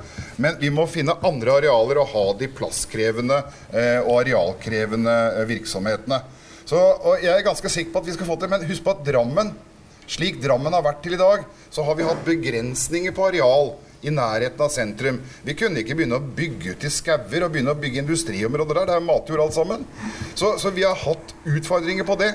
Hvis vi tar for oss Svelvik, så sier de nå at vi skal bruke dem nærmest som en sånn avfallsdynge. Det er det verste jeg har hørt. Det vi ønsker, er å utvikle Svelvik sammen med Drammen. At de får mer næringsvirksomhet. Og hold den tømmerhavna utenom, for den er det ikke lagd noe innstilling på. Det er ingen som har sagt den skal ligge der. Det er noen som har pekt på at det er en mulighet. Men vi må klare å lage arealer hvor vi kan ha industri, lager og logistikkvirksomhet. Nettopp fordi vi ligger i et intermodalt område med jernbane, vei og sjø. Hvor offensivt syns du dette var, Anders Wengen? Ja, altså jeg begynte jo med å kritisere litt Høyre og se at hver gang det er et problem, så forklarer de at det er noe som er utenfor eh, vår makt. Eh, og det var jo det som skjedde nå også. Eh, det, er, det, er, ikke vår skyld. Eh, det er fordi at det, og, og nå, med, I all rettferdighet, jeg vet du har i hvert fall delvis rett i det du, det du sier nå, så, at, så, så det, har, det, er et poeng der. Men poenget er jo at det er ikke bare Bergans vi har det problemet med. Altså, jeg representerer jo Venstre. Når det gjøres sånne undersøkelser på hvilket parti kunne du tenke deg å stemme, men du ikke stemmer på likevel, så kommer vi ganske høyt. Hvorfor det? Og det er, jo, det er jo en ganske sånn lei situasjon å være i. Eh, og nå skal jeg, jeg skal ikke tråkke på for mange tær og si at Drammen minner litt om Venstre der, men, men men altså, det holder ikke. Da må vi, da må vi finne ja, hva er grunnen til det. da? Hva er grunnen til at Bergans drar et annet sted? Og ikke bare Bergans, men alle de andre også. Og bare En kjapp kommentar til dette vi snakker om, om, om arbeidsplasser og sammensetning. For det er en del av dette attraktivitetsspørsmålet. Hovedutfordringen vi har når vi diskuterer det nå, er at vi diskuterer de arbeidsplassene som finnes i dag, og de som har vært fram til nå. Vi snakker veldig lite om de arbeidsplassene som kommer om fem år. Vi snakker om arbeidsplasser for ufaglærte f.eks. Eh, I prosess i produksjonsindustrien de vil det bli mange mange mindre av i løpet av veldig veldig kort tid. Så vi er nødt til å Hvordan skal vi vinne kampen om Østlandet? Jo, vi skal vinne kampen om Østlandet om at vi bruker mer tid på å snakke om hvordan skal vi rigge oss for den utfordringen som vi får om fire år, eller åtte år eller ti år, når automatiseringen har kommet lenger, når det digitale skiftet har kommet lenger. Og da vil veldig mange av disse produksjonsarbeidsplassene vil da forsvinne. Og da vil vi være tilbake av det samme problemet, med mindre vi har fått i gang en ordentlig offensiv strategi for å løse det. Da tror jeg vi kan vinne. Hvordan, hvordan, står det til i Arbeiderpartiet? For dere vil jo please alle dere òg. Uh, eh, veldig opptatt av tradisjonell industri og gamle, gammel type arbeidsplasser, da. Det, hvor, grønn, hvor grønt er Drammen av Arbeiderpartiet? Vil dere være en grønn spydspiss? Ja, absolutt. Eh, jeg tenker det er mange måter å kunne være grønn eh, spydspiss på. Jeg tenker sånn som eh, F.eks. så er det ting du kan regulere i forhold til Fredrikstad gjorde jo det nå i forhold til vannavgift. Hvordan du kan da få bedrifter til å komme. For det, du kan ta og regulere hva som er fastpris, og hva som er i forhold til bruk og forbruk. Sånne ting kan du gjøre. Men det jeg vil bare si at det som er viktig for å få et næringsliv, det er at du har en god plan, du har et regulert areal areal. Du veit hva du ønsker å ha her. Eh, og det jeg tenker på, det er jo også sånn som eh, det at vi har de områdene som vi har. Du var inne på Svelvik.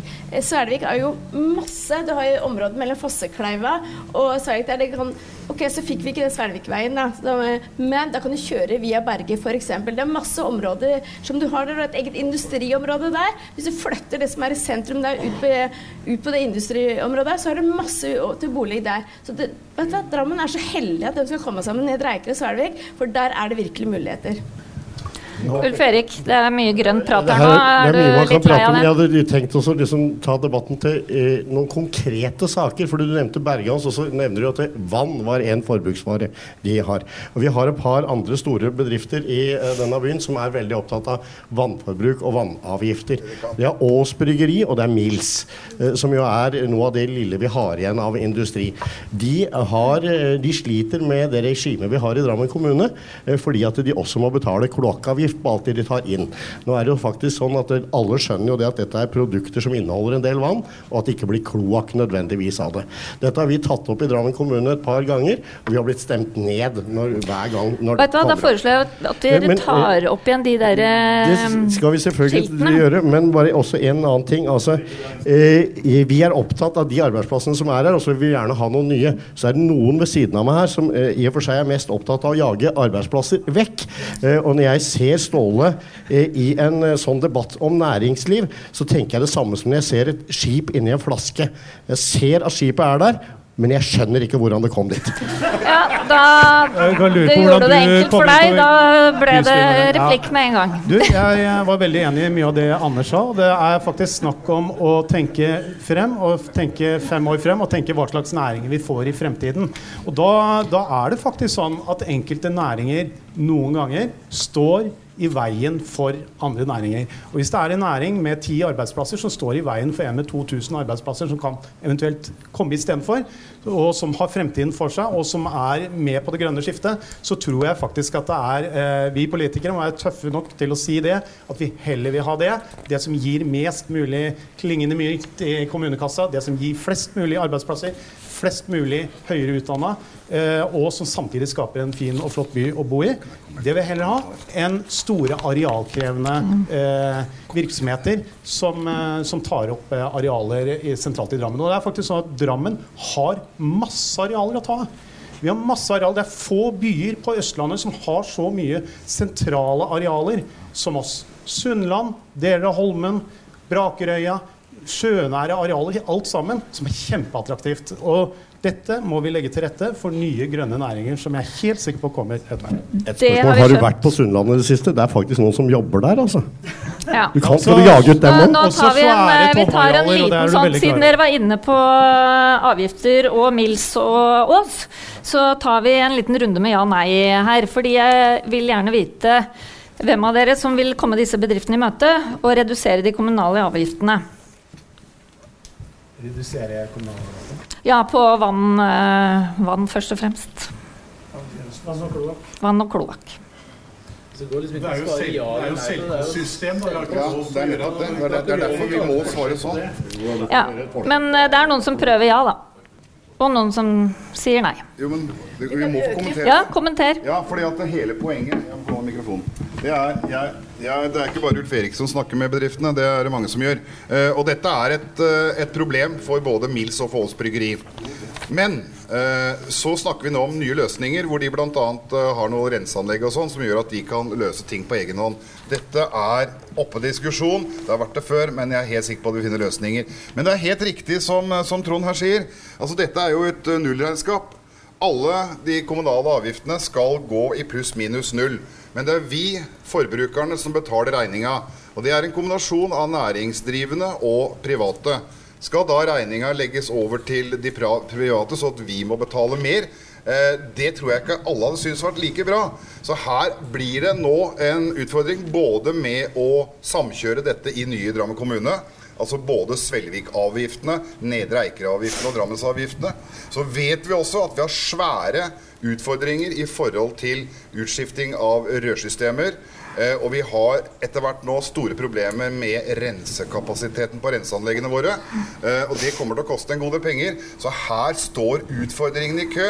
Og det da å bare si at nei, vi bare skjærer ned de kommunale avgiftene for et par bedrifter, det er ikke det jeg tør å svare på. Men uh, Monica har ikke Arbeiderpartiet en løsning på det her? Ja, vet du, Vi er nok litt mer kreative, for du kan jo øke fastavgifta, men kubikkprisen kan gå ned. Det er fullt mulig. Anders Fredriksen har gjort det. Ja, men, men, det Ulf Erik er inne på nå, er faktisk konkret næringspolitikk. Jeg har hørt veldig mye på sånne vage og litt sånn høytsvevende diskusjoner. Men nå er han inne på noe helt konkret. Noe produksjonsbedrift i Drammen har bedt om. Og så er det spørsmål kan vi finne Unnskyld? Hører? Ja. Så nå er vi inne på noe helt konkret, hvor, hvor, det er spørsmål om hvordan kan vi legge til rette for at store virksomheter i Drammen får et mer fornuftig regime. Og Det er klart at det Ulf Erik sier, er jo ikke at han vil ha et urettferdig system, men på en måte så sier han det at Ås Bryggeri sponser kloakkregninga til resten av byen. Fordi de selger vannholdige varer. Da må vi som politikere klare oss å tenke på om reglene er fornuftige, og tilpasse dem. Det er det det dreier seg om. Det er det som er næringspolitikk. Skal vi ha bedriftene her, skal vi tiltrekke oss nye, så må vi vise at vi er villige til å tilpasse oss og justere oss. Den tror jeg ingen er uenig i. Uh, Rune Kjeldsen, ja. er det replikk på det? Uh, replikk på det. Det som uh, befolkningen og, og, tilhørerne sikkert er klar over, så er det veldig, veldig sjelden jeg er enig med Ulf Erik Knutsen. Bortsett fra nå. Han er helt, helt rett i det. Dette, dette er uh, Magi. Dette er mulig å løse. Fredrikstad har løst det. Det er bare å se til Fredrikstad. Ståle. ja, og den beskrivelsen Håning kom med, var jo helt riktig. altså Dette er jo lovpålagt, og vi kan ikke gjøre alt mulig rart. Eh, men så må vi også tenke på Jeg svarte nei, eh, og det gjorde jeg av ærlighet. Fordi jeg vet at det kommer store utgifter fremover. Vi har klimaendringene som er over oss, som kommer til å bety at vi må oppruste rør, vi må gjøre renseanlegg, må bygges ut. Eh, og, og, dette kommer til å koste penger. Så den som står og sier 'jeg vil gå inn for lavere kommunale avgifter', den kommer til å møte seg selv i døra. Det er jeg ganske sikker på. Kort. Ja, altså, Vi diskuterer to ting her. Det ene er Ønsker man å redusere det totale avgiftsnivået, eller ønsker man å justere på måten dette kreves inn, i forhold til for å øke fastavgiften og den type ting? Og det er noe helt annet. Altså, eh, Rørsystem det er et nullsumspill. Så det finansierer det man bruker. Men man kan absolutt justere på det for at det skal bli mer næringsvennlig. Det er mulig å få til, og det kan man gjøre. Da er det antageligvis stor enighet om det. Vi skal litt innom eiendomsskatt. Ehm, der Eh, jeg plukka fram noe fra programmet til MDG. Dere sier at dere er garantisten mot eiendomsskatt. Forutsatt at Buskerud bypakke 2 blir realisert. Så hva nå? Ja, da skal jeg gi det løftet her og nå. Eh, og det er jo slik at eh, Buskerud bypakke 2 har jo ikke falt. Vi skal ha et valg imellom, og ting skal opp til behandling og ting skal opp til forhandling etter valget. Så resultatet av Buskerudbypakke 2 og hvilken pakke vi eventuelt går for, det eh, er et resultat av valget. Så det er ikke sånn at noen ting har falt. Eh, så har vi en rekke valgløfter. Sykkelveisatsing. bedre ja, men nå var det eiendomsskatt. Alle de tingene der. Mye av dette er bakt opp i, i Buskerudbypakke 2. Og, så vi har lyst til å gjennomføre dette uansett. Men så er det sånn at Svelvik blir en del av Drammen kommune. Og jeg tror innbyggerne i Svelvik de har blitt lovet at det ikke skal bli eiendomsskatt. Det er en av grunnene til at eh, innbyggerne i Svelvik er positive til eh, eh, å gå inn i Drammen kommune. Derfor sier vi at det blir ikke eiendomsskatt med Miljøpartiet De Grønne de neste fire årene. Det kommer det ikke til å bli. Eh, og da må vi finne andre måter å gjennomføre de løftene våre på, og det har vi tenkt å gjøre. Eh, og så har ikke vi noe prinsipielt imot eiendomsskatt. Men vi ser at, eh, at eh, løftet er såpass tydelig og klart overfor de innbyggerne som har vært i Svelvik og Nedre Eiker, at jeg syns det er ryddig å si det før valget, at vi kommer ikke til å gå inn for eiendomsskatt. Fredrik, svar på det. Jeg, jeg, jeg, må få lov å svare på det. Eh, fordi én ting er å si at det blir ikke eiendomsskatt de neste fire årene hvis det og det skjer. Det vi i Høyre sier, er at det blir ikke eiendomsskatt. Ferdig. Altså, Vi skal ikke ha eiendomsskatt i den nye kommunen. Og det morsomme er jo at nesten alle som står bortover her, er jo enige om det samme. Jeg tror det bare er SV som ikke mener det, og som har i sitt program at de vil innføre eiendomsskatt. Så dette er egentlig ikke noen stor kampsak. Men for Høyre så er det prinsipielt viktig fordi vi vet at eiendomsskatten slår så veldig usosialt ut. Særlig for eldre folk som sitter med lave pensjoner, og som da blir tvunget til å, å flytte fra boliger de kanskje har et veldig tett forhold til. Vi vet også at det er et problem for en del barnefamilier. Så kommer man da inn i dette med bunnfradraget, og vi har disse kjempediskusjonene i Oslo eh, hvor folk da har stemt eh, for et parti som vil ha eiendomsskatt. Og så oppdager man da etter to år at uh, vel verdiene økte såpass kraftig at jeg måtte betale eiendomsskatt likevel. og Da blir man litt dårlig i humør. Men for å gjøre lang historie kort, Høyre går til valg på ingen eiendomsskatt. Ikke bare nå, og ikke bare i Drammen, men i hele den nye kommunen i overskuelig fremtid. Monica, svar på det. Ja, akkurat det er overskuelig fremtid. Du kan ha en sånn skikkelig visdomskule. Ja, så bra. Eh, jeg syns jo det er hyggelig at det bruker Du har jo en makker i Oslo som gjerne vil ha eiendom, Du, eller som har eiendomsskatt. Ja, du, Følg ham. Jeg er i Drammen, eh, og den nye Drammen kommune, og vi har vært veldig tydelige på at vi sier nei til eiendomsskatt. Jeg lover jo alltid i forhold til mitt eget program, det er det jeg kan stå inne for. Jeg sier bare at jeg syns det er å sparke litt inn åpne dører eh, for Høyre, så vi har ikke gått ut og ropt det, for det står så tydelig i programmet vårt. Vi har så mye andre viktige saker som vi har behov for å snakke om. Ulf Erik. Eh, la meg si det sånn. Jeg skrev et innlegg her om eh, dagen i Drammens Tidende. Eh, den utmerkede avisen Drammens Tidende. Eh, du burde fått et mye større oppslag, selvfølgelig. Eh, men der skrev jeg det at, eh, at Drammen ikke må bli noe nytt Oslo. Oslo er nå eh, totalt ute av kontroll økonomisk. Eh, det er bompenger som bare øker på. Det er eiendomsskatt som, er helt, uh, som øker på. Og det styres av Arbeiderpartiet, SV og, og MDG. Eh, og ikke kom og fortell meg at eh, når det blir forhandlinger, eller hvis det, hvis det skulle gå så gærent at disse kommer til makta sammen, så kommer MDG og SV til å sette seg på Arbeiderpartiet, og så får vi eiendomsskatt. Det garanterer jeg. For de har så mange valgløfter som de skal innfri, og de har ingen steder å hente de pengene annet enn fra eiendomsskatt. Se til Oslo hva de har gjort for Oslo.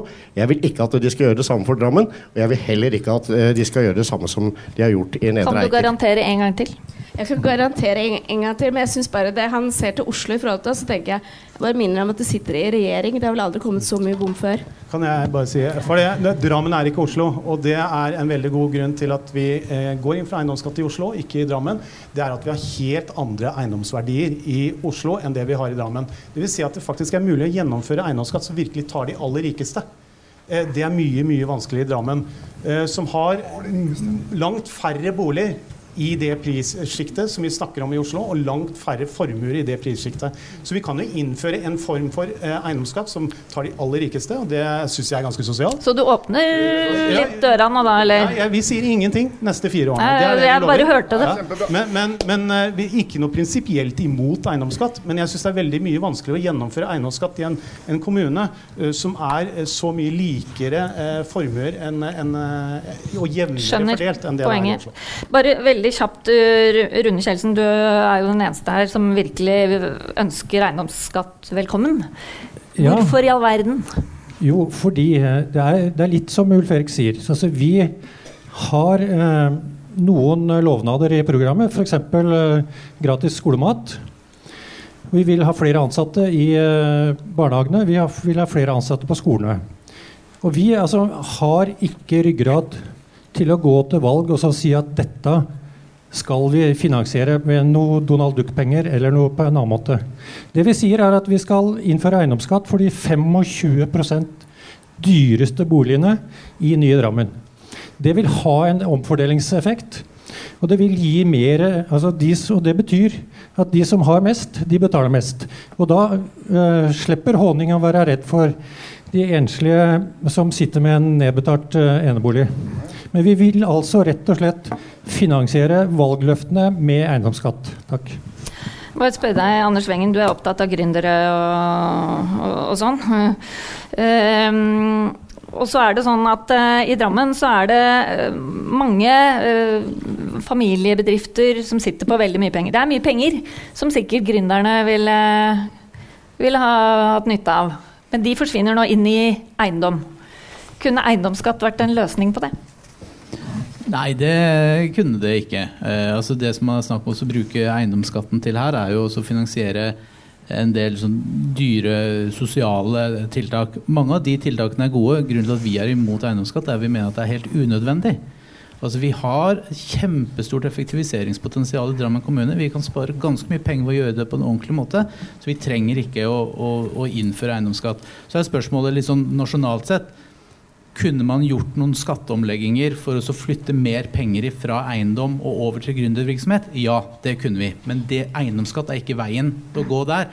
Men å flytte mer penger fra eiendom til, til risikokapital, til venturefond, småskala, tidligfasefond, den type ting, absolutt. Det tror jeg ville vært veldig veldig bra. Nå er insentivene retta mot eiendom, og det er ikke spesielt heldig i verdiskapingssammenheng. Er vi enige? Er du enig i det? Nei, Det er dårlig næringspolitikk det du foreslår nå. Så øke eiendomsskatten sånn at eh, bedriftseiere må ta ut enda mer penger. Allerede må de betale formuesskatt, som gjør at de selv i år med, med underskudd må tappe bedriften for å betjene skattebehovene sine. Og Da skal vi ikke legge enda en bør på skuldrene. Det tror jeg vil være en veldig ufornuftig næringspolitikk for Drammen, siden det er det vi er her for å diskutere. Vi skal eh, innom eh, dette med høyere og tettere som jo er eh, et mantra innenfor by- og stedsutvikling. Eh, det er også i høyhusene det er plass til de arealintensive kunnskapsbedriftene, som vi har vært inne på. Kan dere ta opp igjen de skiltene nå, så tar vi en uh, runde. Ja eller nei? Kommunen må bygge flere høyhus i sentrum.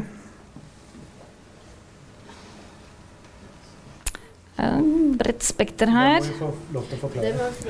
Ja, må jo kommentere. Da Ulf Erik først.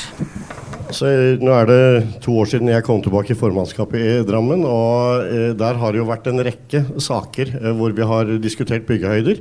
Eh, det jeg har registrert, er at eh, vi har som regel vært eh, det eneste partiet som har vil ta ta etasjen et par ned. For vi syns det begynner å bli vel høyt. Uh, så er det selvfølgelig Hva er for høyt? Ja, altså, er det vi, har, vi har gjerne lagt oss på tre-fire etasjer, fem-seks etasjer osv. Fem-seks etasjer når vi kommer innover mot sentrum. Uh, og jeg synes ikke, altså Det virker jo som om enkelte uh, politikere, og skal jeg ikke nevne Tor Oppdal Hansen med navn, nei, men har et gigantisk mindreverdighetskompleks overfor Oslo. At vi skal ha liksom omtrent en barcode. Og det er Fremskrittspartiet skeptisk til. Vi ønsker å bevare litt mer av Drammens gamle profil og mikse det med nye, fine bygg. Tar du opp arven etter uh, din forgjenger, eventuelt?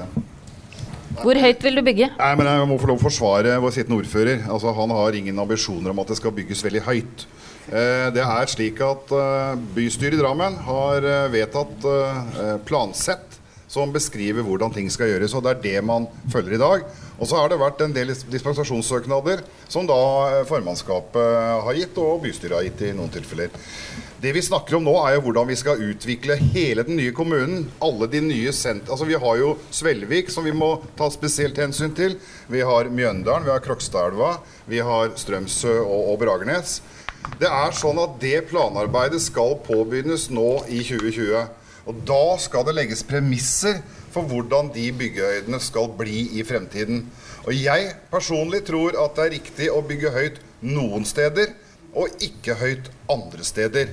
Og så har jeg mye mer tro på en variert byggehøyde framfor at du skal ha én sånn byggehøyde på sju etasjer ø, i en hel gate. Da er det mye bedre at vi sprer litt. Det kan være veldig ålreit med noen ordentlig høye bygg. Og så kan det være veldig viktig at vi bevarer eh, mindre og lavere bygg. Men da kommer vi også inn på dette med bygningsvern, og det er en egen sak som jeg regner med du skal ta opp etterpå. Vi kan godt ta litt det, men eh, ja, nei, jeg tar det videre med deg, Monica. Sorry. Takk skal du ha, Hege. Eh, jeg tenker sånn at eh, Når du sier sentrum, så er sentrum ganske mye. Eh, du har sentrum her i Drammen. Jeg tenker sånn der, Du kan godt ha jernbaneområdet, så har vi gått, for det har noe med hvordan det oppleves for innbyggeren. Det er det det handler om. Noen steder sånn som vi mener har vi jo en veldig god sentrumsplan, hvor det har vært tidligere at du har fire etasjer og en tilbaketrukket. Det er hvordan det oppleves igjen da som, for innbyggeren, og hvor funksjonelt det er. Så jeg tenker det er ikke høyt eller lavt for en av prisene, Det er hvordan det er i bildet bildet. Det er det det handler om. Men bør vi ikke satse litt? Litt høyt? For å vinne denne du kampen? det er å satse. Og så er det noe med Når du bygger noe, så er det noen beregninger i forhold til om eh, seks plan, så koster det så og så mye. Tar det sjuende, da så blir det ganske så mye fordyrende. Det er jo sånne der ting også som du må tenke på inn i det. Men nei, ikke for enhver pris. Men der det er funksjonelt, f.eks. i forbindelse med jernbane og sånn, og det, der er det ikke så problematisk. Da kan det være veldig ålreit å ha det. Så du er vil ha høyhus i. Mjøndalen? Ja, men vi skal jo ha det. Vi har sentrumsplan også Mm. på det. Sjekk, seks til syvende tilbaketrukket er, har vi nå i Mjøndalen mot jernbanen. Der er det ikke problematisk. Det er veldig bra for innbyggerne, og det er helt funksjonelt.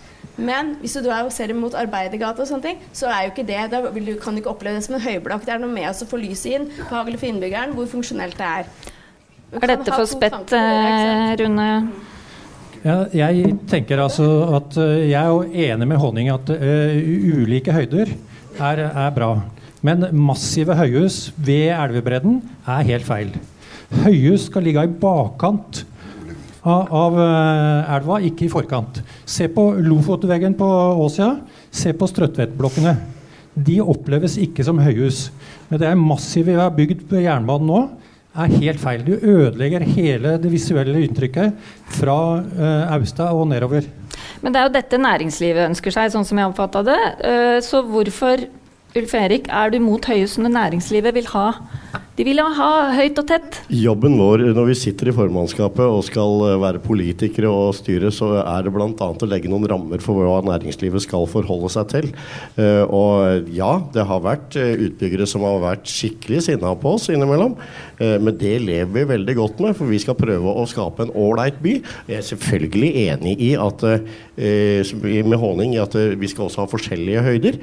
Eh, Det er vi positive til, men det er bare at som oftest så er det at Høyre vil ha en par-tre etasjer høyere enn det Fremskrittspartiet vil ha de siste årene i formannskapet. Der kan man gå tilbake og så kan man se på det. Eh, Og så er det kanskje det at eh, eh, Vi føler i hvert fall at vi, vi er på parti med byens innbyggere på det området, for vi får mye tilbakemeldinger om at noen syns det blir veldig mye høyt av betong rundt omkring i Drammen. Simon, du er vel ikke noe for eh, høyhus? Du vil vel ikke ha i det At vi hele tatt? faktisk kommer inn på det som er problemet i kommuner. At man tror at eiendomsutvikling faktisk er det totale næringslivet. Når du sier da at næringslivet ønsker seg høyhus. Nei, eiendomsutviklerne vil ha høyhus. Det er mange kroner per kvadratmeter. De spør ingen om hva de faktisk trenger. Og Der er det kanskje bevis på også at uh, Drammen kommune Det er greit at de har en utviklingsplan for kommunen vår, men det er jo null ryggrad i kommunen vår. Når jeg, altså jeg hører du sier at du har hatt mange sinte eiendomsutviklere. Men det har jaggu gjort mye rart rundt omkring i kommunen her. Erkeeksempelet er jo Gullskogen senter. Dere veit jo hva jeg syns om det. Ja. Men eh, ikke ryggrad. Kjenner du deg igjen i det? Ja, nei, du, takk. takk skal du ha. Det må få lov å svare på. Nei, det var, eh, det var Herborg som skrev det i en eller annen kommentar en gang, at eh, det var enten at jeg hadde store boller eller, eller ingen ryggrad. Så jeg, jeg, jeg setter pris på den uh, kommentaren. Um, det, det, det, er jo, det er jo sånn at det er alltid snakk om uh, diskusjoner, alltid snakk om uh, hvor, hvilken retning skal man ta. Skal man tillate det ene, kommer da andre og sier ja, men da burde vi også få lov til det. Det er avveininger, avveininger, avveininger. Og det å være politiker, det er å tørre å ta de vanskelige beslutningene som ofte ligger i sakene. Og så må vi også huske på at politikerne er jo ikke fagfolk på alt mellom himmel og jord. Man må støtte seg på fagfolk, på administrasjon, på de som har greie på det. Men det er det planverket som man i fellesskap har blitt enige om, som skal være styrende. Og Derfor så blir det så viktig at den kommuneplanen som nye Drammen kommune skal lage, eh, i som starter med i 2020, at den har en arealdel som vi kaller det, som da legger klare premisser for hvordan ting skal være. Og jeg personlig er veldig opptatt av at vi skal gjøre den jobben på en så god måte at vi slipper disse stadige kampene, disse stadige vurderingene av om det skal gjøres på den ene eller andre måten. Vi legger premissene, og så forholder vi oss til dem, og så er det sånn som vi skal drive kommunen fremover. Trond Johansen, du er glad i høyhus. Jeg var stolt rundt 1960 når Skogebygget sto ferdig. Elleve etasjer med heis. Det var ikke noen andre bygg som kunne måle seg med det i Drammen, og jeg var veldig stolt som sånn seksåring, syvåring. Eh, nei, jeg vil ikke bare ha høyhus, og jeg tror jeg er enig med de andre, en blanding. Men jeg syns ikke Jeg syns ikke det blir altså nå syns jo noen Globusgården er et fantastisk bygg, og andre syns det er eh, sjenanse for hele byen. Og, og sånt noe. Så, så liksom, vi syns jo litt forskjellig, da. Men eh, jeg har jo ikke vært med før, som jeg sa i stad, og bestemmer akkurat høyder her. Men, men at vi skal, en, vi skal være en anstendig, litt solid, stor by. Og det er Jeg merker det når liksom jeg kommer til København, da, for ikke så langt ut, så, så, så er jeg plutselig i litt annen type by enn Oslo.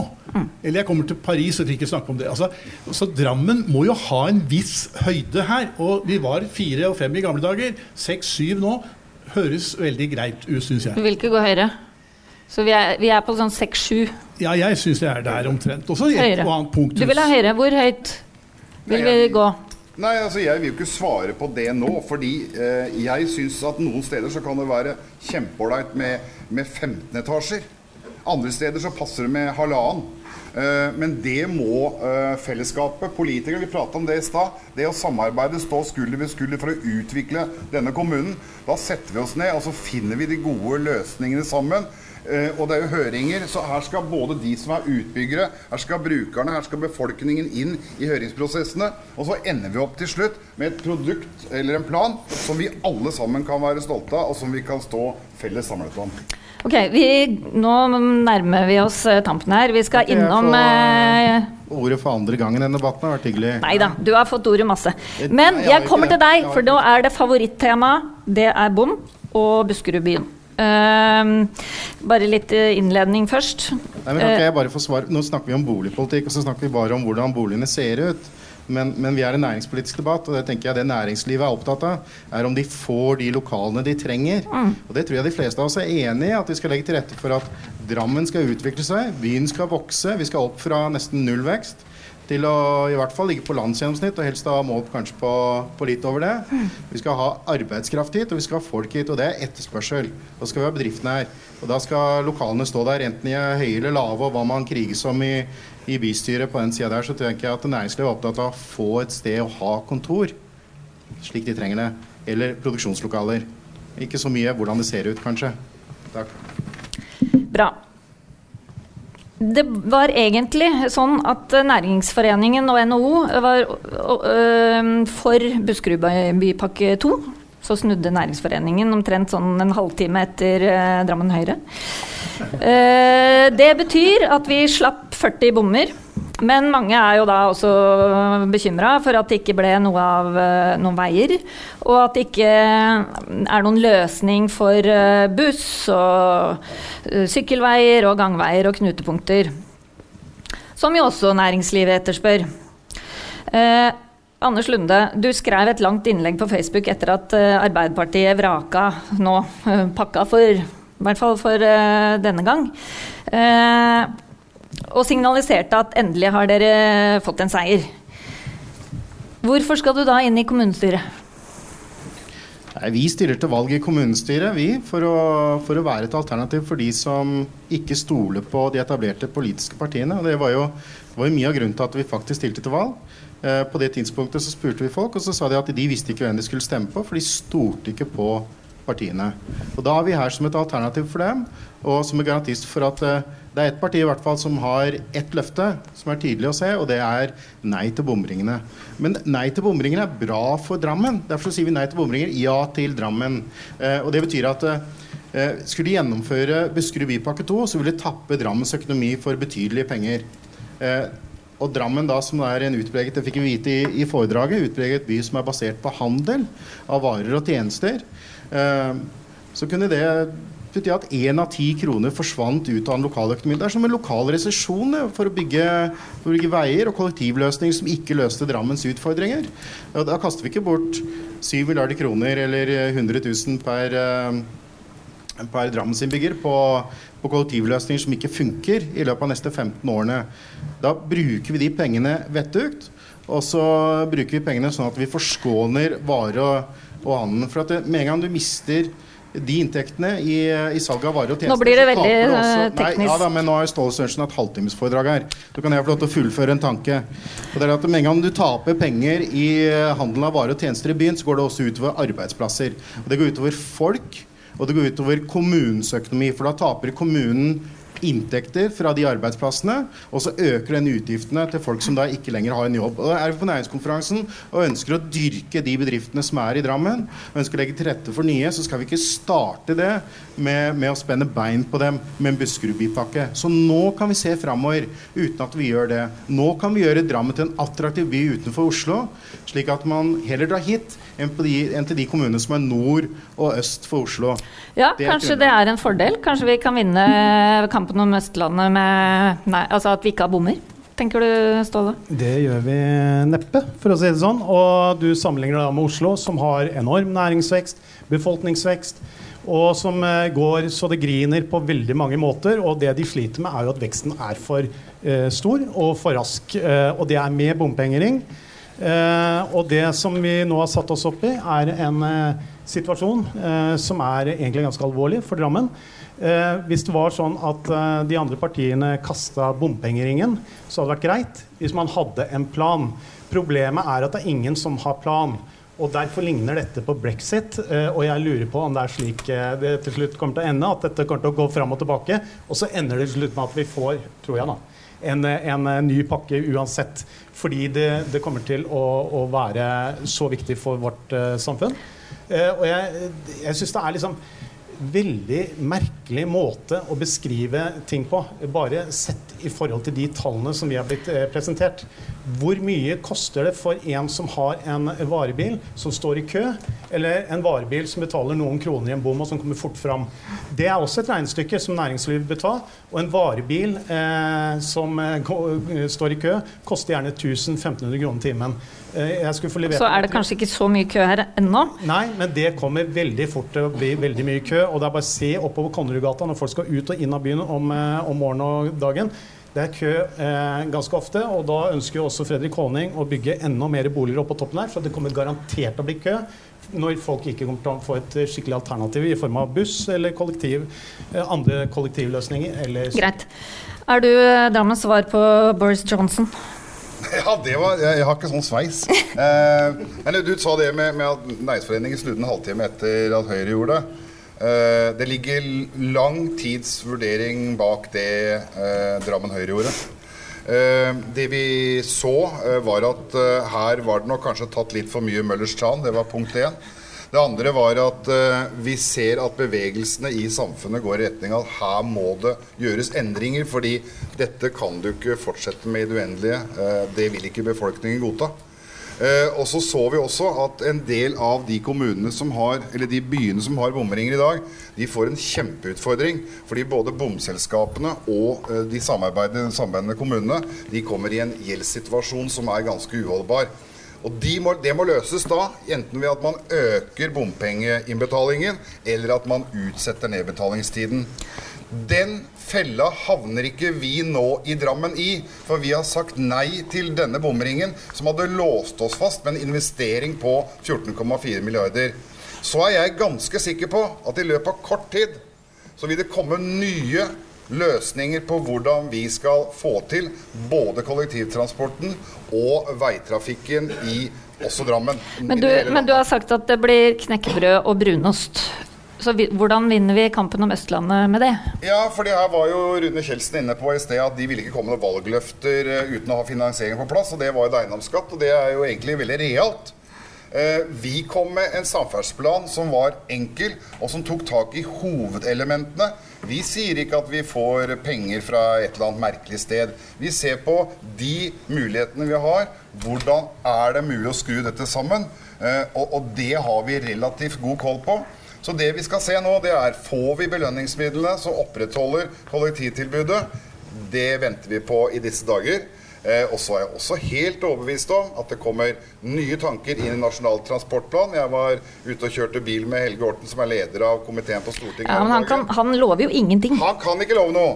Det er ingen enkeltperson som kan love noe. Vi bor i et demokrati hvor vi i fellesskap blir enige gjennom forhandlinger. Og dette har med både storting, det har med fylkeskommunen og kommunen å gjøre. Ingen enkeltperson kan love noe. I fellesskap så finner vi løsningen. Monica, jeg må bringe inn eh, Raymond Johansen i Oslo. Han uttalte nå nylig at bompenger har vært fantastisk for Oslo. Jeg taper hele valget. Kunne ikke du gjort det samme? For å si Stått det- for noe. For eh, å si det sånn, Vi sto virkelig for noe. Og nei, det var ikke Høyre i Drammen som sa nei. Det var i Dreiker det falt, så du får ikke den. Du skulle vente til etter valget. Eh, og en annen ting. Vi vraka ikke pakka, for vi sto i det. Men vi syntes den var usosial, så vi skulle ha inn de mer sosiale løsningene. Så det ikke skulle ramme barnefamilier og dem som har lavinntekt. Det var vårt mål. Men vi er realistiske, og den falt. Og det må vi forholde oss til. Det som var viktig eh, å se på her, er at det var fylkesveier og statlige veier som var hovedsakelig i det. Det som var synd, det er bruene. Langfallbrua, Mjøndalsbrua, som ikke får. Det er det vi må se på. Så hvis det nå kommer initiativ da, fra enten Trond Johansen og Ståle Sørensen, så er dere litt på glid, da, eller? Jeg syns jeg har vært ganske tydelig. Jeg tror jeg har skrevet det ganske mange ganger i Drammens Tidende òg. Altså, vi forholder oss til at den har falt. Konsensusen er, den er borte. Det, det, altså, det skal bli Viken. Det er ikke noe konsensus lenger. Det er en realitet. Stoler du på si, på det, Ulf Erik? Nei, for å si det i forhold til det, så tok det ti år å få fram denne her pakka. Nå skal vi gå inn i en fireårsperiode. Det er umulig å få til noe nytt på det. Dessuten Nei, den er falt. Den er ligger nede. Nei, konsensusen er borte. Jeg stilte, jeg stilte litt spørsmål når, når Høyre snudde på sett og vis, mens den gamle Høyre var for bompenger og Håning var mot osv. Eh, men, men ok, jeg skal tro deg, eh, honning på at du er imot eh, bomring. Det skal jeg gi deg. Men er det én jeg ikke tror på, så er det en politiker eh, som representerer et parti som har i 15 år i Drammen vært for bompenger, og så fem uker før valget så tverrsier man, og så snur man. Da er man fryktelig naiv hvis man tror på et sånt parti. Og så bare en kort merknad eh, til, eh, til eh, min sidemann her, at det går så det griner i Oslo. Altså I realiteten, når man snakker med næringsdrivende i Oslo sentrum, så griner de. Det er korrekt. Det går, er ikke så de går så de griner, men de Det griner. er feil. Det går veldig bra på Aker Brygge. Det gjør det. Du kan spørre Det, det er helt feil. De har gjort en undersøkelse i, i, nærings, i Handelsstandsforeningen i Oslo, og den viser en vekst i innringning. Men det er ikke Ja, pga. Aker. Brygge. Denne, Ja, ja. Det er ikke det da jeg føler jeg at vi er inne i en annen Men, debatt. ja, eh, men det som er, det som er eh, altså jeg, jeg tenker at vi, vi I Venstre så var vi for pakka. Eh, og så må vi på en måte ta på alvor nå da, at de største partiene har sagt at dette her blir ikke noe av. Det er tre partier som egentlig fortsatt kjemper for denne pakka. Det er oss og Miljøpartiet og SV, og vi får nok ikke noe flertall til sammen. Det tror jeg skal litt til. Så jeg tenker at vi må sette oss ned og la oss nå bruke muligheten, da. For det er faktisk noen svakheter i den pakka eh, som vi nå kan adressere. Den, den aller største svakheten med den pakka som lå der, er at den er veldig lite dynamisk. Vi står midt i en samferdselsrevolusjon hvor det kommer nye transportformer hele tiden. Vi endrer oss, kravene er annerledes. Nå er det fullt av last mile mobility-enheter som gjør at behovene er helt annerledes.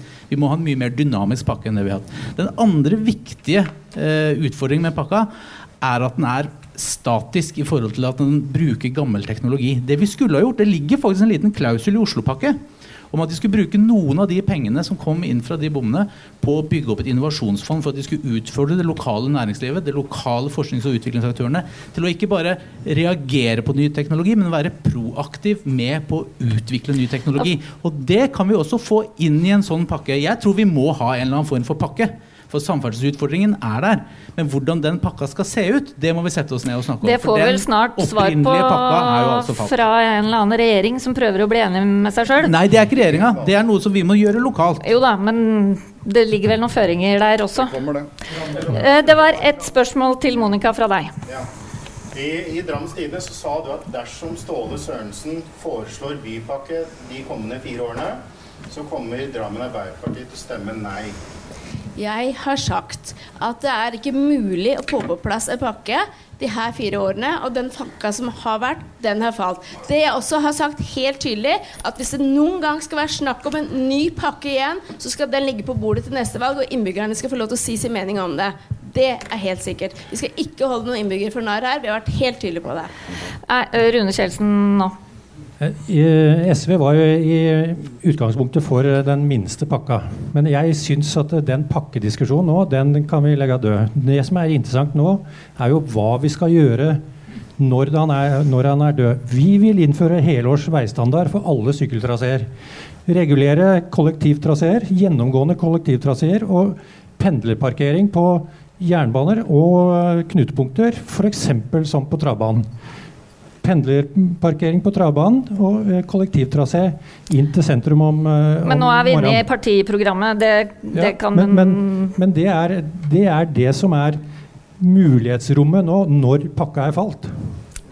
Eh, det er helt åpenbart at eh, Drammen kommune er nødt til å ha en eller annen form for samferdselspakke. Spørsmålet om, er om den blir bompengefinansiert eller ikke. Eh, vi mener at den må være det, ut ifra det vi har eh, sett. Eh, dersom noen mener at de kan gjennomføre disse tingene uten bompenger, vel, da er jo ansvaret til de partiene å fremføre en løsning som er troverdig, og som lar seg finansiere. Det har jo ingen gjort her i det hele tatt. Det som har sagt uh, uh, nei til bom. Og så er det uh, Fredrik Konning er jo Mr. No Plan. Eh, vi vedtok jo kulturminneplanen. Det tok jo ett bystyremøte før vi var i ferd med å rive det første huset på den kulturminneplanen. Og så vedtok vi en sykkelplan, mest ambisiøs omtrent på hele Østlandet, med 20% sykkelandel. Den har du allerede uh, bekrefta at den kommer ikke til å bli gjennomført Det uten Buskerudbypakke 2. Det er det og så eh, kaster du Buskerudpakke 2, som er en pakke som dere har jobbet for i ti år, hvor man har brukt eh, vanvittig mye eh, midler, eh, kommunalt, fylkeskommunalt, nasjonalt, eh, på å gjennomføre det. Den kaster dere. Så det eh, Monica nå kaller en usosial pakke som ikke var bra, det var jo Høyre og Arbeiderpartiets pakke. Venstre, SV og Miljøpartiet De Grønne. Ja, og da, og da er det jo et paradoks at du står og forsvarer det Som ga nå. lavere bompenger, og som eh, gjennomførte de hadde høyere måloppnåelse i forhold til Ja. det som var nullvekstmålet. Og det- og- Svar, nå er det Fredrik svarer på det, og så må vi ta noen spørsmål fra salen. Eh, Eh, Ja takk. Nei, for det er jo, det, det er jo angrep på, på, så da må jeg få lov å svare ut det. Fordi vi er jo i en situasjon nå hvor den eneste, det eneste partiet som faktisk har tatt ansvar når det gjelder de to store partiene, det er oss. Vi har kommet opp med en plan for hvordan vi skal løse eh, dette her, med knekkebrødmodellen, som du ganske riktig kaller det. Og så har Arbeiderpartiet ledd av oss hele tiden. Ha-ha, dere sier bare nei, dere kommer ikke med noe. Jo, vi gjorde en ordentlig jobb, vi. Og så kommer vi med et alternativ. Så kommer Arbeiderpartiet etterpå, fra skanse til skanse. Først så vil de bare ha en sosial profil, og så sier de plutselig at nei, vi vil ikke gå inn for en pakke, vi vil ikke foreslå det selv, men øh, det, kanskje vi støtter andre. Og så til slutt så sier de at nei, det blir ikke noe aktuelt, fordi den pakka er jo falt.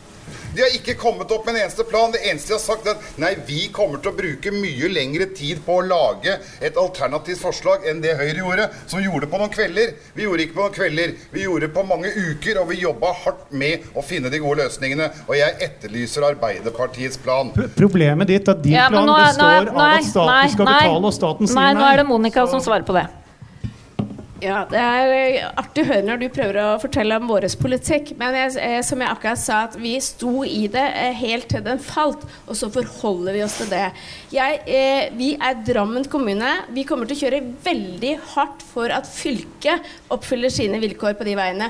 Og de statlige. Og det som er overraskende da, er at vi har Høyre og Frp som sitter i regjering og ikke klarer å få det til. Hvem søren skal gjøre det da? Så jeg tenker det at kanskje det er på tide at Arbeiderpartiet får makta og kunne gjøre noe med det. Men, men du sitter jo i fylket. Du, du, du peker på fylket, du er fylkespolitiker selv. Det er ikke penger i fylket til, til eh, denne satsingen? Nei, og det som er da Jeg prata seinest med Roger Ryberg i stad. Det første regjeringa gjør i en ny Viken, er å kutte budsjettene, som om de starter med budsjetter enda med minus. Det er jo hyggelig. Det gjør de ikke, for at det blir kompensasjonsordninger, så det blir faktisk et netto pluss. Så det er ikke riktig. Da runder vi av denne debatten. Gi dem en applaus først.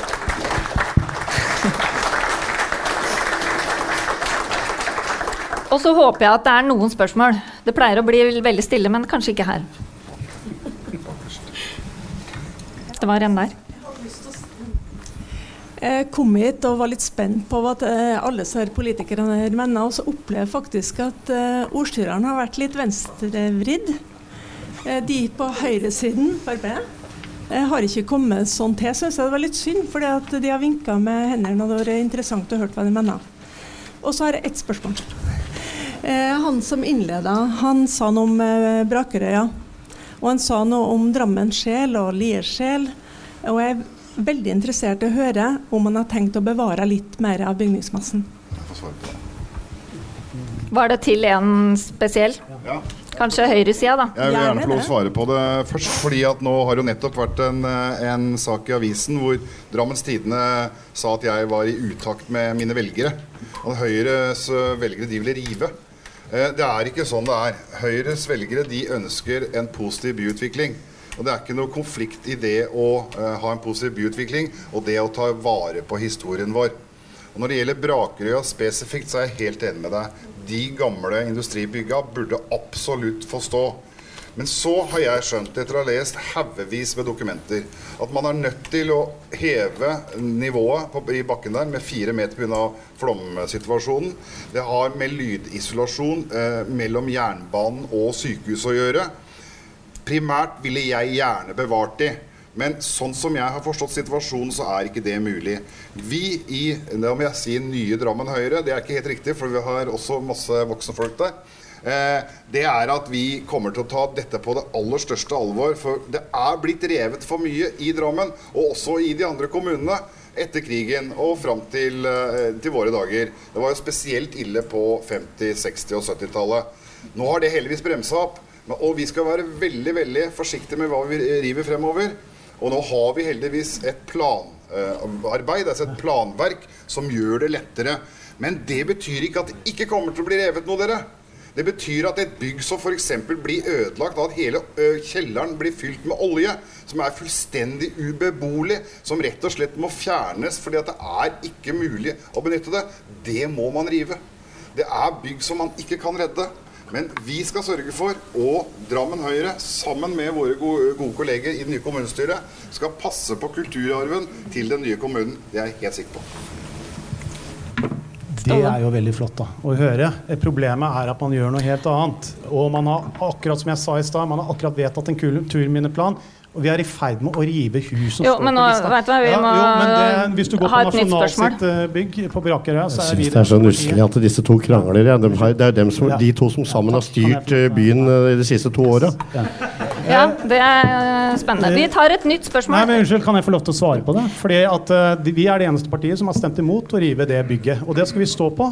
Og det er faktisk mulig å bevare det bygget. Men da har du svart. Ja. Det er to bygg, for å si det sånn. Det var et, en hånd baki der. Eh, baki der. Ok. Um, Drammen er jo blitt uh, universitetsby siden sist lokalvalg. Uh, og uh, hver høst så kommer det jo en hel gjeng med folk som, som flytter til Drammen. Og det er kanskje første gang de noen gang flytter, og de kommer da hit. Eh, jeg veit det fordi de har fadderuke nå, og jeg tror de er på karaokebar. Jeg har tenkt meg dit etterpå. Men eh, ja, spørsmålet, da. Fikk jeg litt jernteppe? Heldigvis har jeg skrevet en ting. Si gjerne også hvem du stiller det til. Jeg tror dette kanskje kan gå til Venstre og til SV. Eh, men jo, her er poenget. Studenter eh, de har jo ikke, Det er ikke så vanlig at studenter er veldig gode skattebetalere mens vi er studenter. Men håpet er jo at vi kommer til å bli vesentlig bedre når vi er ferdig med det. Eh, så da er jo spørsmålet hvordan tenk, Hva tenker man å gjøre for å få alle disse som flytter hit, til å forelske seg i byen mens vi studerer her, og få oss til å ha lyst til å fortsette å være her? Og hva har man også da tenkt å, å tilby når folk er skal jeg si, ja, eh, fer- ferdigutdanna og nå skal man ut og finne seg noe? Rune, da, først. Et godt spørsmål, for det var noe av det vi var innom eh, tidligere i dag. Men det, det handler om også eh, ha attraktive arbeidsplasser, sånn at folk eh, blir værende. Og det er stort sett det som utdannes her, er vel sykepleiere og lærere. Sånn at nye sykehuset blir veldig viktig i så, så henseende. Og SV går jo til valg på å ansette flere lærere, så det passer veldig bra. Anders. Ja, altså Det handler jo også om, om trivsel. Det vil si at Veldig mange av de studentene som kommer til Drammen, de bor jo ikke i Drammen. Det er veldig mange som reiser inn, så vi må gjøre det mer attraktivt for de å bo her. Og vi må jobbe med studentmiljøet sammen med, med universitetet for å få det enda bedre. Men jeg tror at en viktig viktig eh, måte å få flere til å bli her, det er jo, som innlederen tidligere i dag var inne på, vi trenger et annet studietilbud i tillegg til det vi har i dag. Vi trenger mer entreprenørskapsstudier, vi trenger mer innovasjonsstudier, teknologistudier, administrasjonsstudier. Den type studier som det veldig ofte kommer bedrifter ut av. For en annen ting vi også vet fra forskningen, er at bedriftene veldig ofte blir der de blir etablert. Så hvis man starter studentbedrifter, det er derfor man er veldig flink på i Trondheim og i Sintef-miljøet, starter man studentbedrifter der, så blir de der, og så får man bygd opp innovative miljøer. Det er vi nødt til å jobbe veldig fokusert med. Da var det deg. Ja. Det er liksom en næringspolitisk debatt. Det er lenge siden vi prata om næring og industri. Innlederen var inne på det, at vi, må, vi hadde en industri, og vi skal fra i dag og videre inn i framtida, den har vi nesten ikke prata om. Vi har, og vi har heller ikke snakka om arealpolitikk. Hvorfor, uh, hvorfor uh, blir det som det er? Mitt, uh, mitt hovedanliggende er at ja, vi syns det er greit med nye boliger. Og vi tar næringsområder og gjør til boliger, men vi lager ikke nye næringsarealer. Nå har Arbeiderpartiet kommet med noen gulrøtter oppi Nedre Eiker. Men når vi ser til Lille Sanne, som da Eh, har antageligvis etablert like mange nye bedrifter som, Sanne, nei, som Nedre Eike, Drammen og Svelvik til sammen de siste åra. Hva gjør dem som er bra? Hvordan har dere tenkt å få til det? Det var en som sa et næringskontor, et, et frittstående næringskontor som selger Drammen. Forteller hvor bra det er. Hva har dere tenkt å gjøre? Hvem er, er det noen du vil det er. Det er til alle politikerne. For det, jeg vet at det er litt for mange til å svare på alt det. Kan du ikke si det én som du gjerne vil høre det fra? Nei, da må jeg bli den som representerer arbeidsfolket. Da, da må bli Arbeiderpartiet. Det var den. Så glad du spør meg. Vet du hva? Eh, som jeg har sagt, Vi skal være så framoverlente. Vi skal samarbeide med næringslivet. Jeg har skrevet noen konkrete punkter til deg som du skal få svar av. Vi skal ha regulerte arealer til akkurat det vi ønsker å ha der. Vi skal ha beslutningsberedskapsplan. Må kunne si ja eller nei med en gang næringslivet er der. Eh, kommunen skal ha oppdatert oversikt over hva man har, og spesielt en plan over hvor man vil videreutvikle. Vi skal ha grønne arbeidsplasser. Eh, vi skal være brukervennlige, og vi skal ha ryddige rammebetingelser. Og vi skal tilrettelegge bedre for læringer for tungvint system, sånn som det er i dag. Da fikk du masse hele pakka, men først og fremst, vi skal være så framoverlent. Vinduet skal være åpen 24-7, sånn at du kan komme og høre og få. Ja, Skal dere bruke skauen istedenfor å ta dyrka mark? Skal dere ta litt av skauen, f.eks. fra E18 til Svelvik? Først må vi få en oversikt over det arealet som vi har tilgjengelig, for vi må ha en god plan. Det skal være eh, kommunene og politikerne som styrer hva som blir hvor. Det er i hvert fall det viktigste. Vi skal jo ikke bare ta mark av grenser og sånne ting. Det er jo ikke helt tjo og hei rundt. Og så her snakker vi om å ha en god plan. Så du, freda, ja. du, du freda markagrensa, ja? Ja, det tror jeg jeg hørte. Jeg er veldig god, jeg er glad i tur og natur. Så stier, så det Da har jeg mista oversikten over hvem som hadde henda oppe her.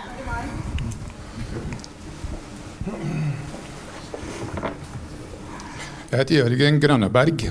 Jeg forlot Drammen, eller flyttet fra Drammen, midt på 60-tallet. Men har åpenbart ikke helt forlatt byen.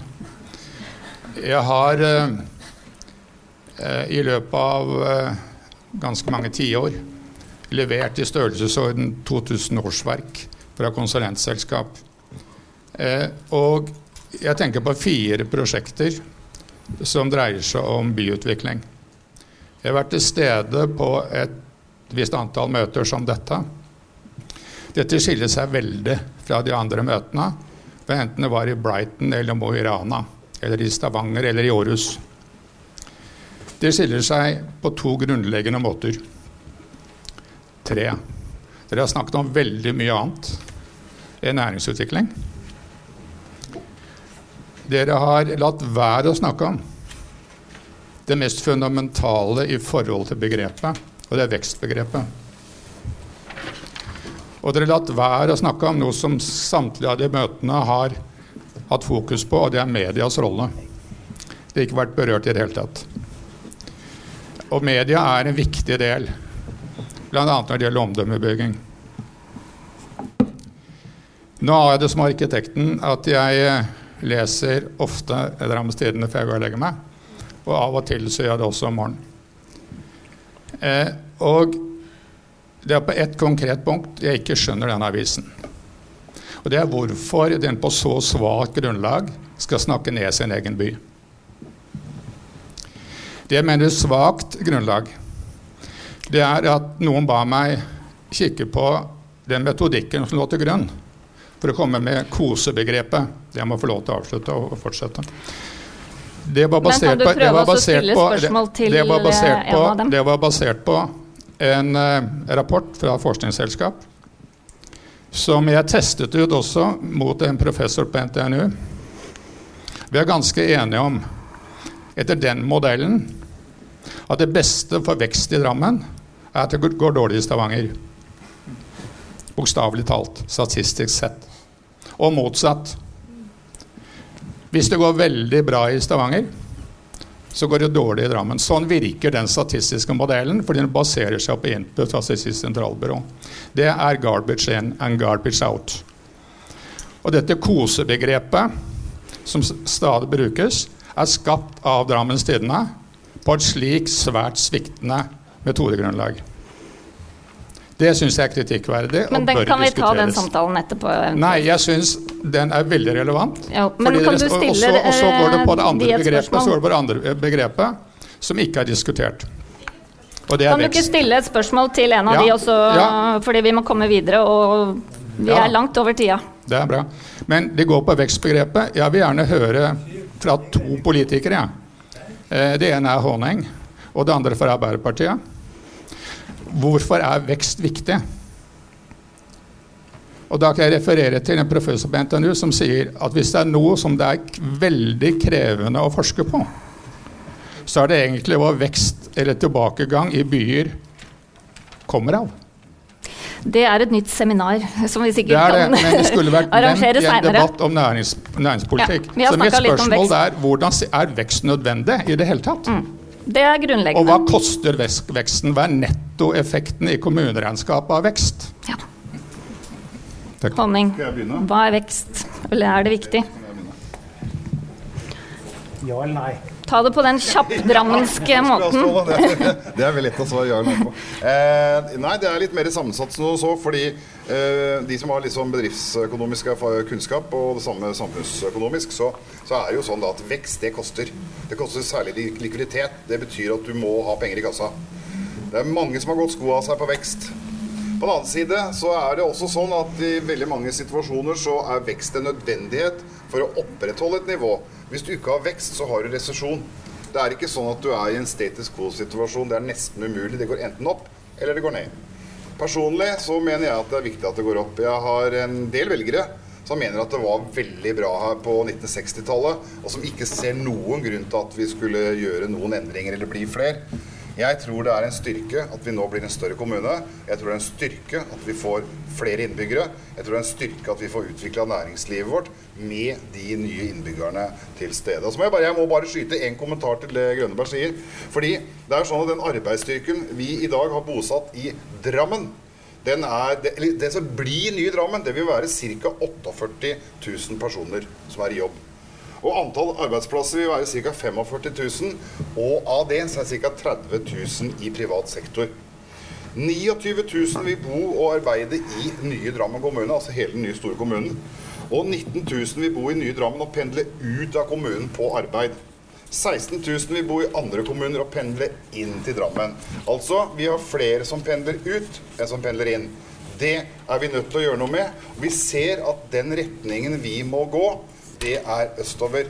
Det er der arbeidsmarkedet ligger for oss. Det er der de nye innbyggerne ligger. Hvis vi klarer å samhandle med det som da er nye Viken, med de kommunene som ligger den veien, så kommer vi antageligvis veldig veldig godt ut av det. Og det er også, Nå skal jeg ikke gå inn på den Viken-diskusjonen, men det er nok en av hovedårsakene til at Viken er riktig satsingsområde for oss her i Drammen. Har du noe å føye til? Du, jeg skal ta, prate litt kortere og litt enklere. Eh, for meg så er det eh, to ord som hører sammen med vekst. 15 minutter til vi må ut. Så nå eh, det er to deadline. Ord. For å få vekst så må du investere, og det er det eneste det som fører til utvikling. Det er det som var. Derfor er vekst viktig. Det var det som var når vi prata om Nedre Eiker i stad. Du sa at vi gikk under med, femte, nei, med underskudd. Grunnen til at vi måtte og hadde sleit Nedre Eiker, var fordi at vi ikke fikk investert. Vi fikk ikke utvikla oss, men vi tok vare på innbyggerne. Så du må ha alltid en investering for å få til en utvikling. Og så skal jeg si dere en ting. Den viktigste investeringa vi skal gjøre nå, og du kan godt prate om næringsliv, men det er i ungene våre som er på skolen. Vi skal bygge stein for stein, for det er ingen som har fått det dårligere for at andre har fått det bedre. Da tror jeg det blir siste ord. Jeg tror vi tar en applaus for alle.